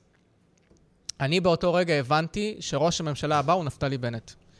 אה, כתבתי, ממש באותו יום שקמה הממשלה, כתבתי ליושב ראש מטה הצעירים של אה, נפתלי בנט, אני הכרתי אותו, אמרתי לו, תקשיב, בבחירות הבאות אני עובד איתכם, בנט ראש ממשלה, אני הולך להזיז אתכם לכיוון הימין הכלכלי, קפיטליזם וזה. אנחנו מדברים על הבחירות שבנט לא לי, שהולכות להיות בסיבוב הרביעי. לא, הוא לא עבר את אחוז החסימה, לדעתי... שאיילת שקד התמודדה את המספר אחת? לא, הוא לא עבר את אחוז החסימה בסיבוב הראשון, כשהוא היה מספר כן. אחד, ואז בסיבוב השני הוא חבר לסמוטריץ' חזרה והוא עבר. אוקיי. אה, אז בסיבוב... ואז היה את הממשלת האחדות? בסוף, כן, בסוף הסיבוב השלישי קמה ממשלת האחדות, ואז ממש באותו יום שהיא קמה, אמרתי בבחירות הבאות אני איתכם, אני לא ידעתי כמה היא תחזיק, בסדר? אבל אני אמרתי בבחירות כן. הבאות אני איתכם. לפי אה, מה? למה ידעתי שבנט יהיה ראש הממשלה הבא? תראה, תורת המשחקים, מאוד פשוט. אה, היה לי ברור שהממשלה הזאת תהיה נוראית. היא לא תחזיק, כי באמצע משבר, קודם כל רוב ממשלות העולם בכללי, היסטורית, סטטיסטית, לא יודעות להתמודד טוב עם משברים, ותמיד אחרי זה מתחלף השלטון. זה כן. סטטיסטיקה, אפילו לא צריך להיות מומחה לפוליטיקה. כל מדינה שיקרה באותו דבר, אני סטטיסטית אגיד שזה מה שיקרה. ואז השאלה הבאה שלי הייתה, אוקיי, מי יהיה ראש הממשלה הבא? ואז בשמאל הוא לא יכול להיות, במרכז הוא לא יכול להיות. אמרתי, היחיד שיכול לצמוח זה מהימין. וזה מישהו שחייב להיות כרגע מנהיג מפלגה או מנהיג בימין, ש, שפשוט יגיד, אוקיי, אני מחליף את זה, ויכול עקרונית לחבור גם לרוב הצד השני. והיחיד שענה על כל הקריטריונים האלה היה נפתלי בנט. אני לא ידעתי שגדעון סער ירוץ. אם הייתי יודע שגדעון סער ירוץ, הייתי אומר, אוקיי, זה 50-50. הבעיה שגדעון... בנט נחשב כן כזה... קצת משיחיסט, קצת אה, אני... כזה, הוא מאוד התמתן, אבל באותה תקופה בנט היה כמו איילת שקד, הוא היה סדין אדום לרוב המרכז אז מול. אז היה לי ברור שברגע שזה יהיה או בנט או ביבי, כולם יאכלו אותו, וצדקתי בנושא הזה, אה, אבל אה, אם גדעון סער לא היה עושה את הטעות של להגיד, אני רק לא ביבי, לא בטוח שבנט יהיה ראש ממשלה. מאוד יכול להיות שגדעון סער יהיה ראש ממשלה. פשוט גדעון סער בשנייה okay, שהוא נקט צד... אוקיי, אבל אתה בתפקיד שלה, אם אנחנו חוזרים לנושא של זה, אז, אז אתה בקמפיין בתפקיד באמת שמין יועץ אסטרטגי כזה, כמו שאתה מספר עכשיו, או שאתה עוד פעם, אתה יותר אני, בשיווק אני ובקמפיין ובפרסום? אני יותר אסטרטגיה שיווקית, פרסומית, אבל כן, יש מקרים שבהם אני גם uh, נכנס לתחום האסטרטגי-פוליטי, למרות שאני לא מחשיב את עצמי כאסטרטג פוליטי, אני לא קורא לעצמי ככה, ואני גם, כל טיפ שלי בנושא הזה, אני אומר עם הסתייגות. לאותו פוליטיקאי, אני אומר שקח בחשבון שזה לא המקצוע שלי, אסטרטגיה פוליטית, אני יותר בצד השיווקי. Uh, אני יכול להגיד לך מה אני צריך ממך באסטרטגיה הפוליטית, שיעזור לי באסטרטגיה השיווקית, אבל אני לא אגיד לך... אז מה הייתה האסטרטגיה השיווקית שלך עם uh, בנט? Uh, עם בנט ספציפית הייתי אחראי על כל הקמפיין הכלכלי, כלומר, תוכנית סינגפור זו יוזמה שאני המצאתי. תוכנית שהמטרה שלה הייתה להצ... אה, להצמיח את מדינת ישראל כלכלית, וקראנו לה תוכנית סינגפור מהסיבה שאמרתי שהדרך הכי פשוטה למכור לציבור שלא מבין כלכלה, כלכלה, זה להראות לו מה שעבד במדינה אחרת, כנראה יעבוד גם פה, ולהעתיק את זה לפה. עכשיו, הייתה לנו בעיה עם תוכנית סינגפור, כי סינגפור לא דמוקרטיה. בנט גם לא אהב את זה, אז ניסינו בהתחלה תוכנית שווייץ. הבעיה היא שהכלכלה השוויצרית היא מאוד מורכבת, והיה בלתי אפשרי להסביר אותה. אה, ברמה שלא הצלחתי להסביר לאנשים במטה שלא מבינים בכלכלה. אז אמרתי, תשמעו, זה, לא, זה לא ילך, כאילו. רגע, אתה המצאת את תוכנית סינגפור? כן. כאילו, הרעיון היה שלי, לא אני כתבתי את כל התוכנית, אני כתבתי כן. חלק. כאילו, את הרוב כתב אה, דוקטור אמציה סמכאי, גם עם בנט, עם אביר קארה ביחד, אבל הרעיון היה שלי, כן. אבל הנה, אבל פה, מאיפה לך, מאיפה אתה מבין בכלכלה ויודע להביא את זה? אה, מאיפה הבנתי בכלכלה? מהקמפיין של פייגלין. בקמפיין של פייגלין הבנתי שאני כדי לשווק כלכלה צריך להבין בכלכלה. נכנסתי לאינטרנט והתחלתי לקרוא באובססיה. כאילו, משם התחלתי להבין בכלכלה. אז כל הקמפיין הכלכלי של בנט מבוסס על רעיון של מישהו שלמד כלכלה מקמפיין קודם של... אה, זה מבוסס, נשמע קצת שטחי, כאילו. מבוסס, כן, אבל לא, מי שכתב אותו הוא דוקטור לכלכלה, בוא, כן. אני לא, זה... אני עברתי על הכל מן הסתם, לא, תשמע, אבל היום אני מבין בכלכלה, כאילו, ברמה ש... אני מתווכח עם כלכלנים שהם חלקם גם פרופסורים, אם אתה ראית את מה שקרה עם זליכה וזה. ולא תמיד ידם עליה עליונה, בוא נגיד ככה. אה, אבל אה, לא, כאילו, בסוף זה, זה גם תחום, כמו כל תחום אחר. אם אתה ממש נכנס לזה באובססיה, ואתה עוקב אחרי מובילי דעת קהל, ואתה קורא, ואתה מתעמק, ואתה קורא מחקרים, אתה תתחיל להבין בזה. זה אין, כאילו, אתה יודע, אז ככה העולם עובד. אתה לא חייב ללכת וללמוד תואר בשביל לקרוא את כל החומרים ולסכם ו- ולחקור וללמוד. אתה יכול לעשות את זה גם בעצמך בבית. כן, לא, אני, יש הבדל בין אה, אם מישהו עושה את התוכנית וכותב אותה, ואחר כך נותן לך לשווק אותה, או לספר אותה, כמו שאתה אומר, אתה יודע לספר אותה במילים פשוטות וכאלה, לבין זה שאתה אומר, אני זה שהמצאתי את התוכנית. לא, אבל שנייה, או שנייה. או שאתה עשית את ה framing, אתה אומר. אני עשיתי את ה framing, הרי מה זה תוכנית, מה זה, בסוף, כל... לקחת מצב וסיפרת אותו. אני אפשט את זה הכי, הכי פשוט שיש.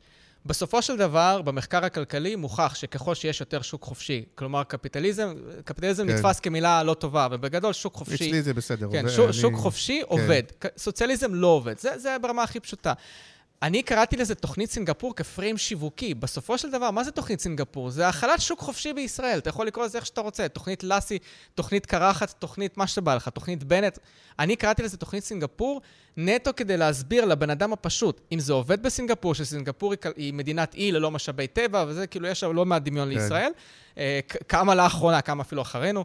אה, אם זה עבד שם, זה יעבוד פה. זה היה הרעיון. ברור שבסופו של דבר, מי שכתב את הפ... של איך אנחנו הופכים את ישראל לסינגפור, היה דוקטור לכלכלה, שכתב את המהלכים. עכשיו, כשאני קראתי את התוכנית, אני הבנתי לא, כל דבר זה שם, התחיל- כי אני מבין בכלכלה, אבל לא זה אני התחיל כתבתי את זה. מהרעיון שלך, ואחר כך כאילו איש מקצוע כתב את זה, או שזה עוד פעם, זה התחיל כי הוא כתב את זה, זה הבריף, ואתה אחר כך עשית מטה, אוקיי, איך אני אספר את המצע שלו לציבור, כש- דרך תוכנית כשאני סינגפור. באתי ל- לבנט ואביר קארה ואמציה סמכאי ואמרתי לו מה אני רוצה שיהיה בתוכנית, אמרתי, תכתוב לי מה שיעשה טוב לכלכלה. אנחנו פשוט נקרא לזה תוכנית סינגפור, כי היה לי ברור שזה פשוט להעתיק את הכלכלות של המדינות המוצלחות. אין פה סודות, הכלכלה זה יותר פשוט ממה שאנשים חושבים.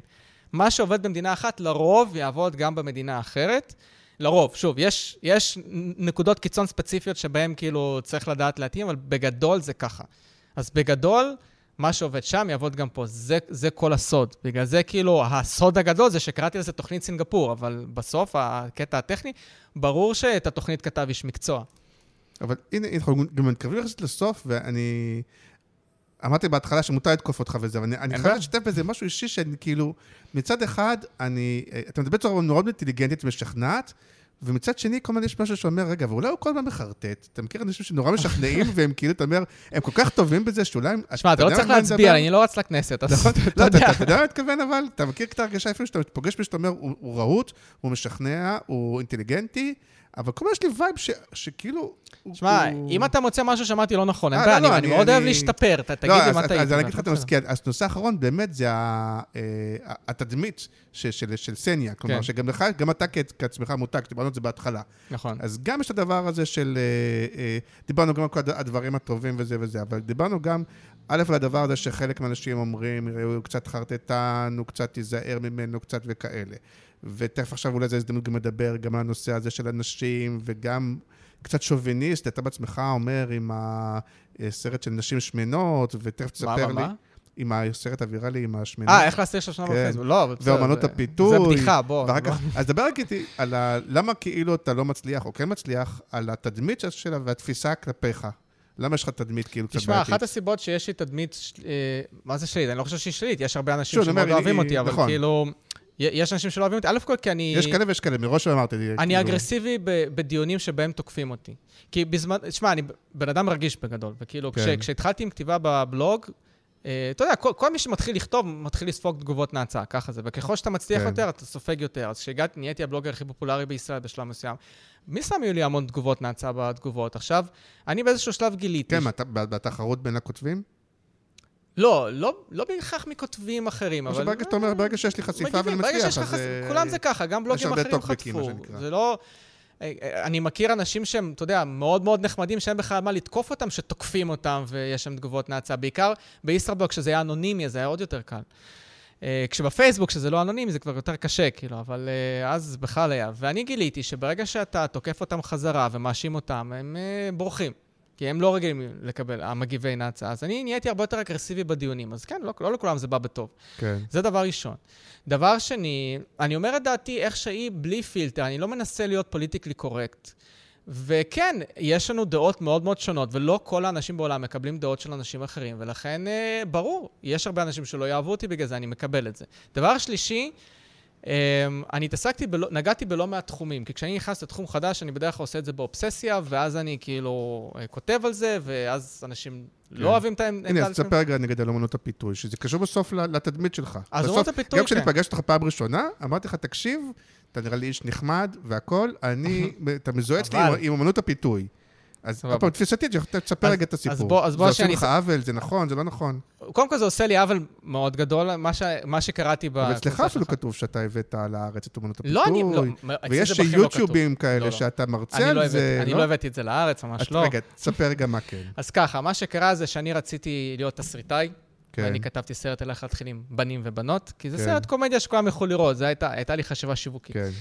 ואני גיליתי את אמנות הפיתוי כי עשיתי תחקיר על התחום, כי אמרתי, אני צריך שיטה, אני צריך משהו שייכנס לסרט, כי אחרת הסרט יהיה משעמם, כי אני לא יכול לתת משהו בנאלי, צריך לעשות על משהו. ואז גיליתי את אמנות הפיתוי, והתחלתי לחקור את זה, בהתחלה נטו בשביל הסרט. זה והייתי... כבר היה קיים בארץ. זה היה קיים בארץ, אני ראיתי את זה כן. קורה מולי ברחוב. בכלל, בפעם הראשונה שסיפרו לי את זה, הבחור שסיפר לי את זה, אה, אמר, אם תעשה ככה וככה, אמרתי, מה, זה דפוק? אם הייתי עושה את זה לאקסיט שלי או לחברה שלי עכשיו, הייתי חוטף כף על מה אתה מדבר, כאילו, אני לא האמנתי בזה במקרה בהתחלה. הטוב, אם לא שולחים כן. אותך למעצר. אמרתי כאילו, מה, זה, זה, לא, זה לא יעבוד? בקיצור, אני לא האמנתי בזה בפעם הראשונה שהוא סיפר לי, ורק בפעם השנייה שראיתי את זה ברחוב, ואז הבנתי כאילו את הניואנסים שההוא בדיון לא הצליח להסביר לי, אז אמרתי, אוקיי, עכשיו הבנתי כאילו למה זה יכול לעבוד, ואז התחלתי לחקור את זה, ובגלל שהתחלתי לחקור את זה, גם התחלתי לכתוב את זה, כי אני אוהב לשתף ידע, ומה שעבד לי, אני כאילו שיתפתי אחרים, ואז אנשים ביקשו שאני אעזור להם. אמרתי, טוב, אני אז, למה לא? בוא נעזור לבן אדם, בסך הכל רוצה חברה. ואז אנשים כל כך הרבה ביקשו שאני אעזור להם בזה, שהתחלתי לקחת על זה כבר כסף, כי זה פשוט גזל ממני המון זמן. אה, וככה זה התפתח. אבל הביקורת על המרכז לאומנות הפיתוי, קודם כל, יש, מי שלא מכיר את הסיפור שלי, אז אני אטיל פה פצצה. הביקורת על המרכז לאומנות הפיתוי מוצדקת ב-100%, אפילו לא ב-100%, אפילו אה, עוד בחסר. אני הייתי הראשון שכתב בפומבי באינטרנט שהמרכז לאומנות הפיתוי לימד שיטות שזה הטרדה מינית לכל עניין ודבר. הראשון שכתב, הרבה לפני שהפמיניסטיות כתבו על זה.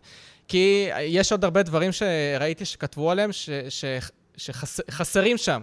בוא נגיד ככה, אני יכול להגיד לך שראיתי תלמידים שלהם שואלים בחורות בקניון מה צבע התחתונים והחזייה שלהם, ואחרי דקת אה, שיחה, כן?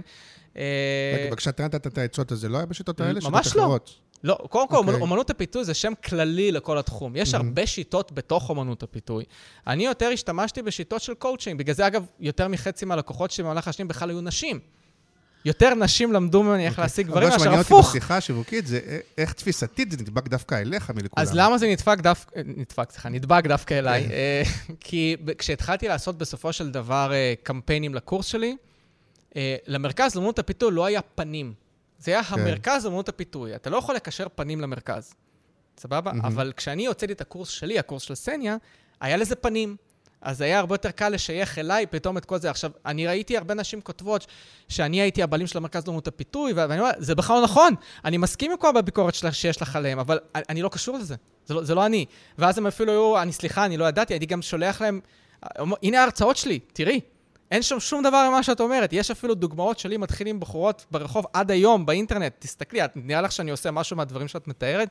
ואז הם היו רואות, סליחה, זה באמת לא אתה. ויותר מזה, גם היה לי קורסים לנשים. נראה לך שמי, שאישה הייתה קונה ממני קורסים, אם היא הייתה רואה שאני מלמד הטרדה מינית בצד השני, כאילו זה... לא יודע, אבל שיווקית, אני, עוד פעם, יש משהו, אני לא יודע לשים את האצבע, אבל גם בעולמות של ההשקעות, גם בפייגלין, גם, הכל זה מין עולמות כאלה שהם חצי, יש בהם איזו נגיעה למשהו, אתה יודע מה, שאתה לא, מתכוון? שזה כאילו, לא יודע איך להסביר, שמע, שזה יש הרבה תחומים נוכלים שיש- בפוליטיקה, יש לא, הרבה שזה נוכלים תחומים בהשקעות. שיש בהם אין מה לעשות. שרלטנות, אני לא אומר שדווקא זה, אבל... ברור שיש. שזה הכל מין אזורים כאלה שכאילו... תקשיב, הרבה יותר קל, הרבה יותר קל במקרה הזה לקחת, לא יודע, כן. פשוט מוצרים אה, טובים ולשווק אותם. אז אין לזה ביקורת, נכון? כאילו, נכון. אה, אה, אבל מה לעשות, כשאתה מתעסק בתחומים אה, שיש בהם גם נוכלים, לפעמים זה יכול לדבוק גם בך. אה, אה, כאילו, אתה צריך לבדל את עצמך מהם, להראות שאתה לא כזה.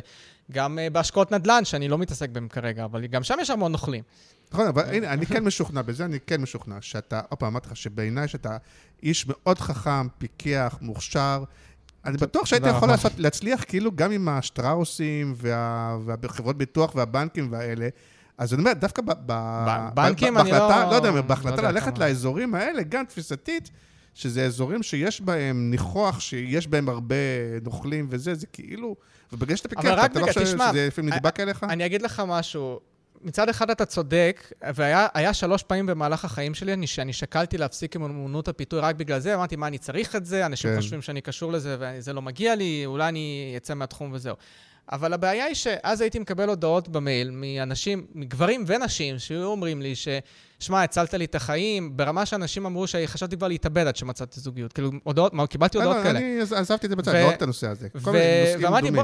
ל- למה שאני לא אמשיך עם משהו שאני מאמין בו שאני עושה טוב, רק בגלל שיש אנשים אחרים רעים בתחום הזה, כאילו, זה לא... זה... עכשיו, בנוגע לבנקים וכל זה... לא, שכל האזורים שאתה עושה בהם הם אזורים שיש בהם, לא אומר שאתה מתעסק עם רמאים, זה אזורים ש... אבל גם, קודם כל, גם בבנקים יש. נוכלים. לא, אתה יודע מה אני מתכוון, זה לא זה לא- המיינסטרים, ה- נכון, אבל אה, כי, יכול להיות שפה, יכול להיות, תראה, אני אגיד לך מה, יכול להיות שמה שקרה, שאני בן אדם כזה שכשיש לי אתגר מול העיניים, אני אוהב לפתור אותו, ואז קיבלתי פה אתגרים שאפשרו לי לקפוץ הרבה יותר גבוה, הרבה יותר מהר, מאשר בעולמות של השטראוסים וכל אלה. כי אף אחד לא ייתן לך אה, ביום הראשון שלך בעולם הפרסום, להיות איזה מוביל קמפיין לבנק הפועל, זה לא יקרה פשוט, כי יש שם, אתה יודע, מרפקים ואנשים דוחפים, וזה... פעם אחת שעשיתי קמפיין ל-TNT ב... לפני המון שנים, אה, גם איזה משהו יחסית היה ניסיוני. כשמשרד הפרסום של TNT שמע שיש שפע, הם באו אלינו לאודישן ופיצצו לנו כמעט את האודישן, הבעלים של המותג פה בארץ, שצריך להתקשר אליו ולהרגיע אותו. זאת אומרת, יש בו הרבה מרפקים. אז בעולם, בעולם הזה אתה יכול להצליח לבד, אם אתה פשוט מוכשר. בעולם שאתה צריך להתעסק עם הרבה פוליטיקה פנימית, אה, לי, לי זה למשל מפריע, אני מאוד לא אוהב להתעסק בפוליטיקה ארגונית. ובמרפקים ובלנסות, אה, אתה יודע, היה לי משא ומתן עם מפלגה מאוד גדולה גם בבחירות האחרונות, לפני שחתמתי עוד פעם עם ליברמן, ואחת הסיבות שלא לא חתמתי איתה, כי התחילה שם פוליטיקה פנימית, של אתה בדרך הזה, ואולי תעבוד מול ההוא ואז תקפוץ לשם. אבל זה לא שאתה כאילו... ואני לא רציתי, ממש סולד מזה. שזה כמו איש מכירות, אתה מומחה באיזה מניפולציות כאלה של... עכשיו, לא אומר שאתה עושה את זה דברים רעים, אבל שזה כאילו... ופה יש באמת כסף טוב בעולמות האלה. אני לא אומר שלא, אבל אף אחד לא נתן לי את ההזדמנות לעשות איזשהו משהו גדול לשטראוס, ולקפוץ לעשות הזדמנות. טוב, אולי אחרי הפודקאסט הזה. אני רוצה לשאול כמה שאלות ככה שהגיעו מה, מהקבוצה. אז מיכאל מור יוסף שואל, אה, עם מי אתה לא מוכן בשום פנים ואופן. אתם מכירים? אני מכיר את מיכאל, כן. אה, עם מי אתה לא מוכן... יש לנו דעות שונות פוליטית, אבל אה, חלק מהדברים. כן, אבל הנה, גם פה זה לא רלוונטי, אז... לא. למרות שאתמול הוא היה במיטאפ של ברבי, והוא שאל איזה שאלה. לא, הוא שואל את השאלה הזאת בגלל זה, בגלל הפוליטיקה. אה, זה רלוונטי. לא, ואתמול הוא שאל איזה שאלה, ואמרתי מול כולם, כאילו, כי יש לו הומור עצמי בזה, אמרתי, הנה, מיכאל מהקבוצה, הביביסט, שכולם יודעים, כן. והוא בסדר, ויש לו הומור עצמי עם זה. אז הוא שואל אם אתה בשום אופן לא מוכן לעבוד? אני לא מוכן לעבוד עם מישהו שאני יודע בוודאות אה, שהוא יעשה נזק, כן. אה, בין אם זה ללקוחות שלו, למצביעים שלו, אה, או כאילו סטארט-אפ שאני לא חושב שאני, שיש לו סיכוי להצליח, אני גם לא אקח בחיים. אה, מה נשמע? ו... Um, אני לא אעבוד עם מישהו שאני מאוד מאוד לא מאמין במוצר שלו, למשל סוציאליסטים, כאילו הסתדרות, לצורך העניין, כן. ראיתי מישהו שאל שם, אני לא אעבוד נכון. עם כאלה, אני לא אעבוד עם נוכלים או אנשים שבקלים מתייחסים מאוד רע לעובדים והספקים שלהם. לא תמיד אתה יודע את זה על ההתחלה, אגב. זאת, אגב, אחת הבעיות, שלמשל קרו לי מקרים שאחרי שעבדתי עם מישהו ועזרתי לו, גיליתי אז שהוא, שהוא עושה מעשה נוכלות. ואז אתה נמצא, אז אני נהיה זה שבדרך כלל חושף אותו. כאילו, זה... בוא, בוא נגיד ככה, מישהו מתכנן לעקוץ אנשים, אל תעבדו איתי, כי אני לא אתן לכם שום סנטימנט אם אני אגלה שבזכות קמפיין שלי עקצתם מישהו, אני אהיה האויב מספר אחת שלכם אחר כך. זהו, אולי לפעמים חושבים שאתה תלבין אותם. לא. כאילו, אני יודע שיש כאלה שחושבים את זה, אבל התשובה היא לא. זה... היה לי מקרה, אני לא יכול עדיין לספר אה, על זה כי יש חקירה בעיצומה ממש עכשיו, אבל uh, uh, יש מקרה אחד שאני, כאילו, I brought him up and I'm, and I'm going to bring him down. אני עובר פה על השאלות, או על הזה, יש פה הרבה הערות מנשים, אבל דיברנו על, על העניין כן, הזה, בסדר. אז אני, אני לא רוצה לחזור על זה. שוב, יש פה גם את הנושא הזה שדיברו על זה שגנבת או תרגמת בדיחות מאחרים, אז לא, אני כתבתי שזה לא רלוונטי, אבל שוב, זה, זה כאילו נדבק לשם, זאת השאלה, כאילו... אה, זה לא רלוונטי כרגע אם כן עשית או לא זה, אבל כאילו, למה הדברים האלה נדבקים אליך, זאת השאלה. ושיווקית, כאילו... כי, כי קודם כל פרסמתי המון המון בדיחות אה, גם של אחרים במהלך הדרך, אבל תמיד נתתי קרדיט. יכול להיות שאם אה, איזו בדיחה רצה באינטרנט או בניינגג וזה, ותרגמתי לעברית ואני לא יודע מה המקור, אז, אז כן, לא, לא בהכרח נתתי קרדיט למישהו ספציפי. אבל עובדה שאף אחד לא בא ואמר, כן, גנבת לי בדיחה וזה. אין דבר כזה, ברגע שמישהו לא, כותב שזה שלו, אז הוא מקבל קרדיט. לא יודע בין כמה אתה, נראה לי קצת יותר צעיר ממני, אבל... 37. אז... השאלה היא, אני גם הייתי, אני חושב, הייתי פעם יותר בן אדם שנוי במחלוקת, ואני חושב שעם הבגרות, שאתה יש בך משהו שאתה אומר, כאילו, אף פעם אני לא יודע למה נדבק לו זה, אבל כאילו עם הבגרות ועם זה, אני אומר, אני רוצה קצת יותר, לא שכולם יאהבו אותי, אבל אתה אומר לעצמך, תפיסתית, תדמיתית, שיווקית, וואלה, אולי אני צריך תשמע, להיות... תשמע, אפשר להיות יותר חכם. אני אתן לך דוגמה. כשאני לבשתי מדי צה"ל בפעם הראשונה בחיי, אני, גם אם הייתי במקום ריק ומעבר חצייה בככה עובי, לא הייתי עובר באדום. כי המדים נותנים לך כן. איזושהי תחושה שאתה חייב להתנהג בצורה מסוימת. אה, אתה יכול להיות יותר חכם, יותר ייצוגי וכולי. בכל הנוגע לאיך שאתה מתנהל באינטרנט מול אנשים אחרים, כנראה שבגלל שיש בי אגרסיביות מסוימת, אה, קשה לי מאוד לא להגיד את מה שאני חושב. כי אני חושב שכשאני במובן מסוים אפשר להגיד שזה פשוט, תשנה את הסגנון שלך, תהיה קצת יותר נחמד, זה לא ישנה שום דבר, וזה נכון, אני, אני מקבל את הביקורת הזאת, זה לגמרי נכון, אני, אולי אני אפילו צריך לעבוד על זה, אבל מצד שני, אני כן אומר את מה שאני חושב, ואני לא רוצה להיות כאילו... מצד אחד חכם, אבל לשקר לעצמי ולשקר לעוקבים שלי, ולא להגיד את כל מה שאני חושב, כי אני כאילו מנסה עכשיו להיות יותר חכם. כי תראה, אני יכול להיות חכם ולא לדבר על נושאים שלהם במחלוקת, ורק להיות לוי דווי ונחמד לכולם, ולא להעביר ביקורת, ולא להעביר ביקורת פוליטית, אבל אתה לא תשנה שום דבר בעולם הזה אם אתה לא תתקוף את המוסכמות השגויות בעיניך, למשל את ההסתדרות לצורך העניין. ברור שאם אני אתקוף את החרדים, או את מה שקורה עכשיו עם המגזר, אני לא תוקף את החרדים, יותר תוקף את המפלגות החרדיות. אבל ברור שאם אני... אבל הוויכוחים שלך באמת יותר עם נשים, זה רק סביב אמנות הפיתוי, שבאמת לא, יש גם עוד דברים שנתפסים שוביניסטיים, או שאתה מתווכח עם פמיניזם אולי. אז בנוגע לשוביניזם, בעבר, בגלל שהייתי מפרסם המון בדיחות, זה למצל משהו שהתמתנתי בו, כן. אני תכף אני אסביר למה. בתקופה קצת השתנתה. הייתי, הייתי מפרסם הרבה בדיחות uh, שחורות, בדיחות uh, גסות. שמנות, הנה אמרת, נשים שמנות. בדיחות שוביניסטיות, לא אומר שזה הייתה יותר בדיחה על גברים, אבל כן, okay. גם על אוקיי, הסרטון הזה חטפתי okay. ביקורת. Uh, ואמרתי, חבר'ה, זה בדיחה, בחייאת רבאק, זה לא, אני לא באמת חושב את זה, כאילו, יש לי מלא ידידות, על מה אתם מדברים? אני מסתדר עם בנות הרבה יותר טוב מכמעט כל בן אדם שאני מכיר, וזה עוד לפני שאומנות הפיתוי. פשוט, אני, זה, זה מצחיק לחשוב שהבדיחה זה באמת מה שאני חושב, מה לואי סיקה, שיש לו המון הומור שחור, באמת חושב את כל הדברים האלה? אז באיזשהו שלב דעתי השתנתה, אני אגיד לך למה. כי כל הזמן היו אומרות לי בחורות, בעיקר פמיניסטיות, שיש לך המון קוראים, יש לך המון השפעה, ואני אומר, חבר'ה, אנשים לא כאלה מטומטמים, הם מבינים שזה בדיחה, הם מבינים שזה לא דעתי. ואז כעבור כמה שנים גיליתי שזה לא מדויק. ואנשים כן לוקחים ליטרלי לפעמים את הדברים, אמרתי, בואנה, כנראה שאנחנו חיים בעולם מטומטם, אבל אם זה באמת המצב, אני אפסיק, ואני אתמתן, כי אני לא רוצה לעשות נזק. ואז דעתי השתנתה בנושא הזה, והתחלתי באמת לפרסם פחות בדיחות אה, שוביניסטיות, כי הבנתי שלא כולם מבינים שזה בדיחה, ויותר מזה הבנתי שגם אנשים שמבינים שזה בדיחה, השיח הכללי על הנושא הזה כאילו נותן להם לגיטימציה גם אה, אה, לחשוב את זה באמת, ולא רק כבדיחה.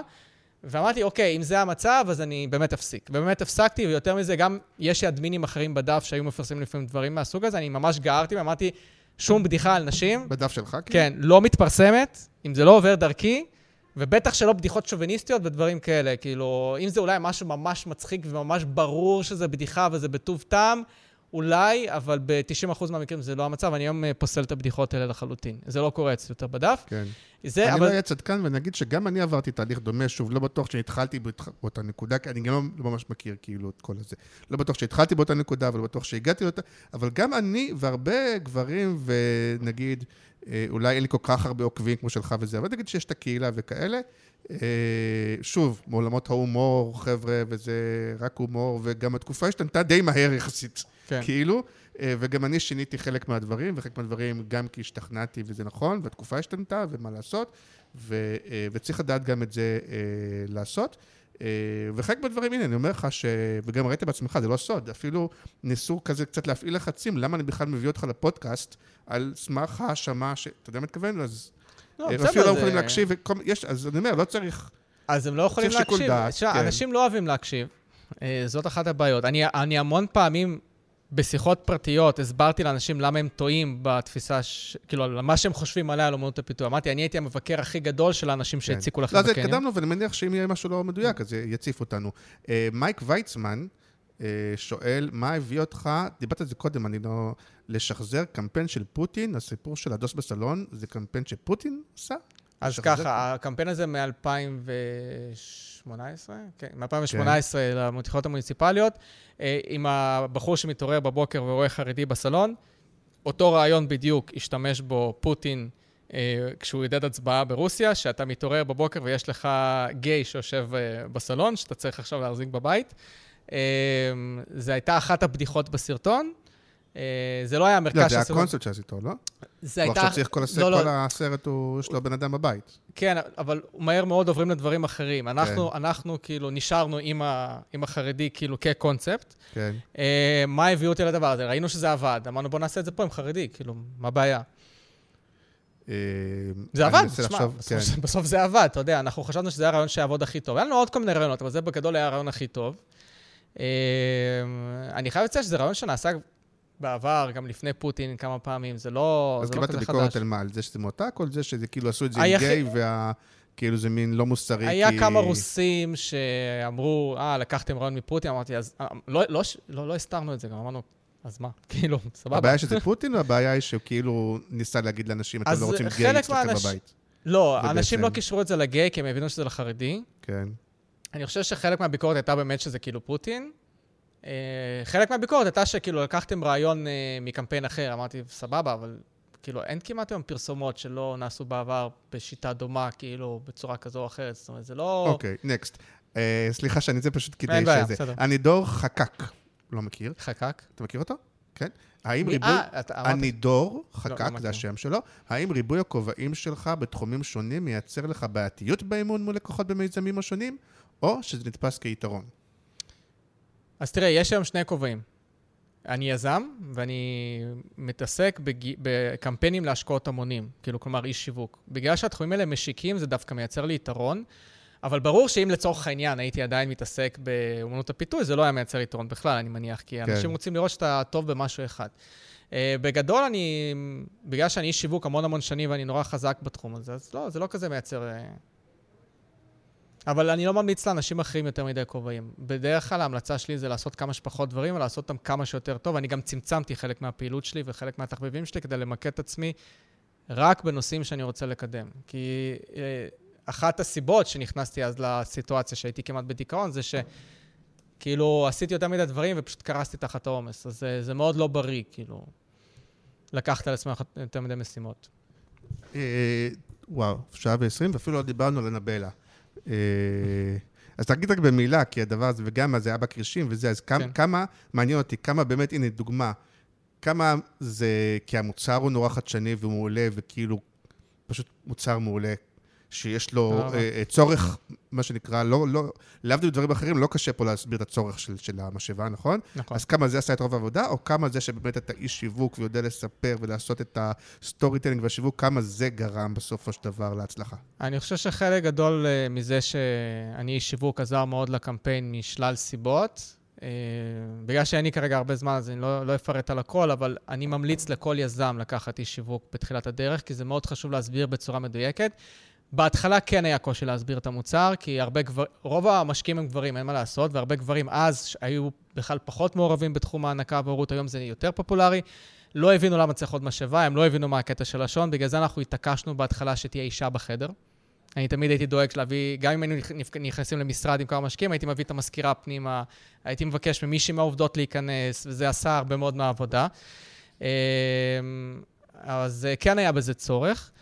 אבל סטארט-אפ, אתה יודע, סטארט-אפ זה סטארט-אפ, זה תמיד קשה, זה תמיד מאתגר, יש לך המון, כאילו, יש לך המון רבדים שאתה צריך לחשוב עליהם, ואם אתה איש שיווק טוב מתחילת הדרך, זה מאוד עוזר לך גם לגייס משקיעים ולמכור את הסיפור שלך, אז, אז זה מאוד מומלץ לה, להכיר את העולמות האלה. הרבה יזמים הם, הם נורא נורא טכנולוגיים ומפתחים טכנולוגיה מטורפת, אבל הם לא יודעים להסביר אותה וזה בעיה. לכן אני תמיד אומר ליזמים, תנסו להתייעץ עם איש שיווק או להכניס איש שיווק אה, איכשהו לצוות כדי לפתור את הבעיה הזאת on the way. טוב, א- ארוך, מעניין, מאתגר גם. אמ, בוא נראה איך יהיו התגובות גם, ואיך, אה, ואני מקווה שאנשים אה, אה, כן יקשיבו. אה, יש לך איזה סיכום שלך? אה, לא יודע אם יש איזשהו סיכום. אה? אני, כאילו, אני יכול, לה- אני יכול להגיד ש...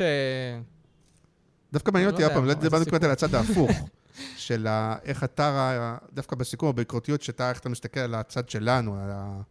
כי זה כמעט בסוף לא דיברנו, על הביקורתיות של אנשים שלך, על הפרסום הקלאסי.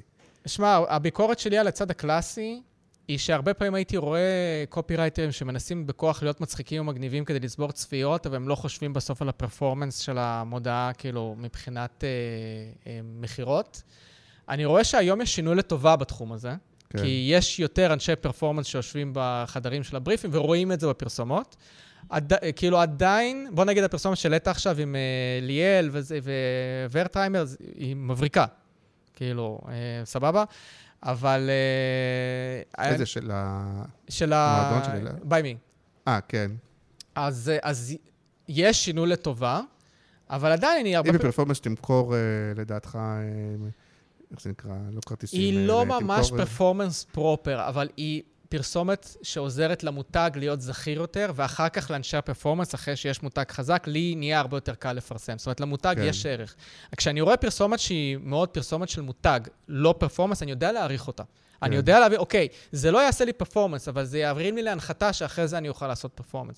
כי יש לך גם remarketing, יש לך הרבה דרכים שאתה יכול להשתמש בזה. שתפגוש את המותג וכבר הוא יהיה נכון. זכיר, אהוב, נכון. תדע מה עולם התוכן שלו, לא יודע מה, ועכשיו נכון. ה performance תיתן לו את ה... אפרופו, מבחינת השיווק והנבלה, אני התעקשתי ללכת לכרישים, למרות שלא כולם בצוות שלנו רצו, כי המנכ"ל לא כזה רצה להצטלם, וכן, הייתה עם זה בעיות. אני מאוד התעקשתי ללכת לכרישים, כי אמרתי, חבר'ה, המותג, המיתוג שנקבל מזה, יהיה אדיר.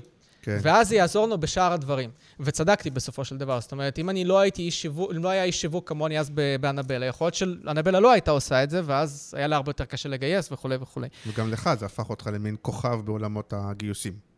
אה, נכון, למרות שאני אני לא רציתי להצטלם עליך, רציתי שהמנכ"ל יצטלם, הוא לא רצה מסיבות אישיות, שמוצדקות, אגב, אני לא, לא, לא הולך לפרסם אותן פה, אבל כאילו, המטרה שלי הייתה אז אנבלה, כאילו, בקטע הזה. כן, זה גם עזר לי, נכון, אני חייב לציין. אה, ובגלל זה אני אומר לאנשים, לכו לכרישים. אז זה דוגמה, למשל, למשהו שהוא מותג. הרי באותו רגע אנחנו לא גייסנו בהמונים, לא היה לנו אפילו מוצר בשוק, אז פרפורמנס זה היה אפס. כן. אבל מבחינת מיתוג זה מאוד מאוד עזר לנו בהמשך. אז לכן אני כן יודע להעריך גם פרסומות קלאסיות של משרדי פרסום, אם אני רואה את הערך במיתוג. אני, יודע, אני מבין בזה מספיק כדי לדעת להעריך עבודה טובה. אבל הרבה פעמים אני רואה כאילו משרדי פרסום מנסים לזכות בפרסים או לקבל תשומת לב, ורואים שלא תמיד הם חושבים על המותג. אבל מצד שני, אני גם יכול להגיד על הרבה אנשי פרפורמנס, שהם עושים חרא עבודה בפרפורמנס. אז אתה יודע, תמיד יש אנשים טובים בכל עולם, ויש אנשים פחות טובים בכל עולם. אז הביקורת, אתה יודע, אני יכול להעביר גם הרבה ביקורת על עולם השני. אז כן. אין לי, זה לא, אני לא רואה את זה כמלחמה, אני חושב שזה משהו אני שצריך יש לי לבוא בעיקר ביחד. ביקורת כלפי אנשים שעושים פודקאסטים ארוכים, ואנשים לא מקשיבים להם עד הסוף. לא אומר את זה לעצמי. כל פעם אני אומר לעצמי, נסיים בשעה, נסיים בשעה, נסיים אני בשעה. מקשיב בריצה, או תוך כדי שאני מנקה את הבית, אז... אה, כן, האמת שגם אני, וגם מקשיב בשלבים וכאלה, אבל אפרופו פרפורמנס, אני מודה שאני לא מקשיב לזה בעולם הפודקאסטים, כי בעולם, כי בפרפורמנס, כן, אתה צריך לעשות משהו כמו חצי שעה פודקאסט.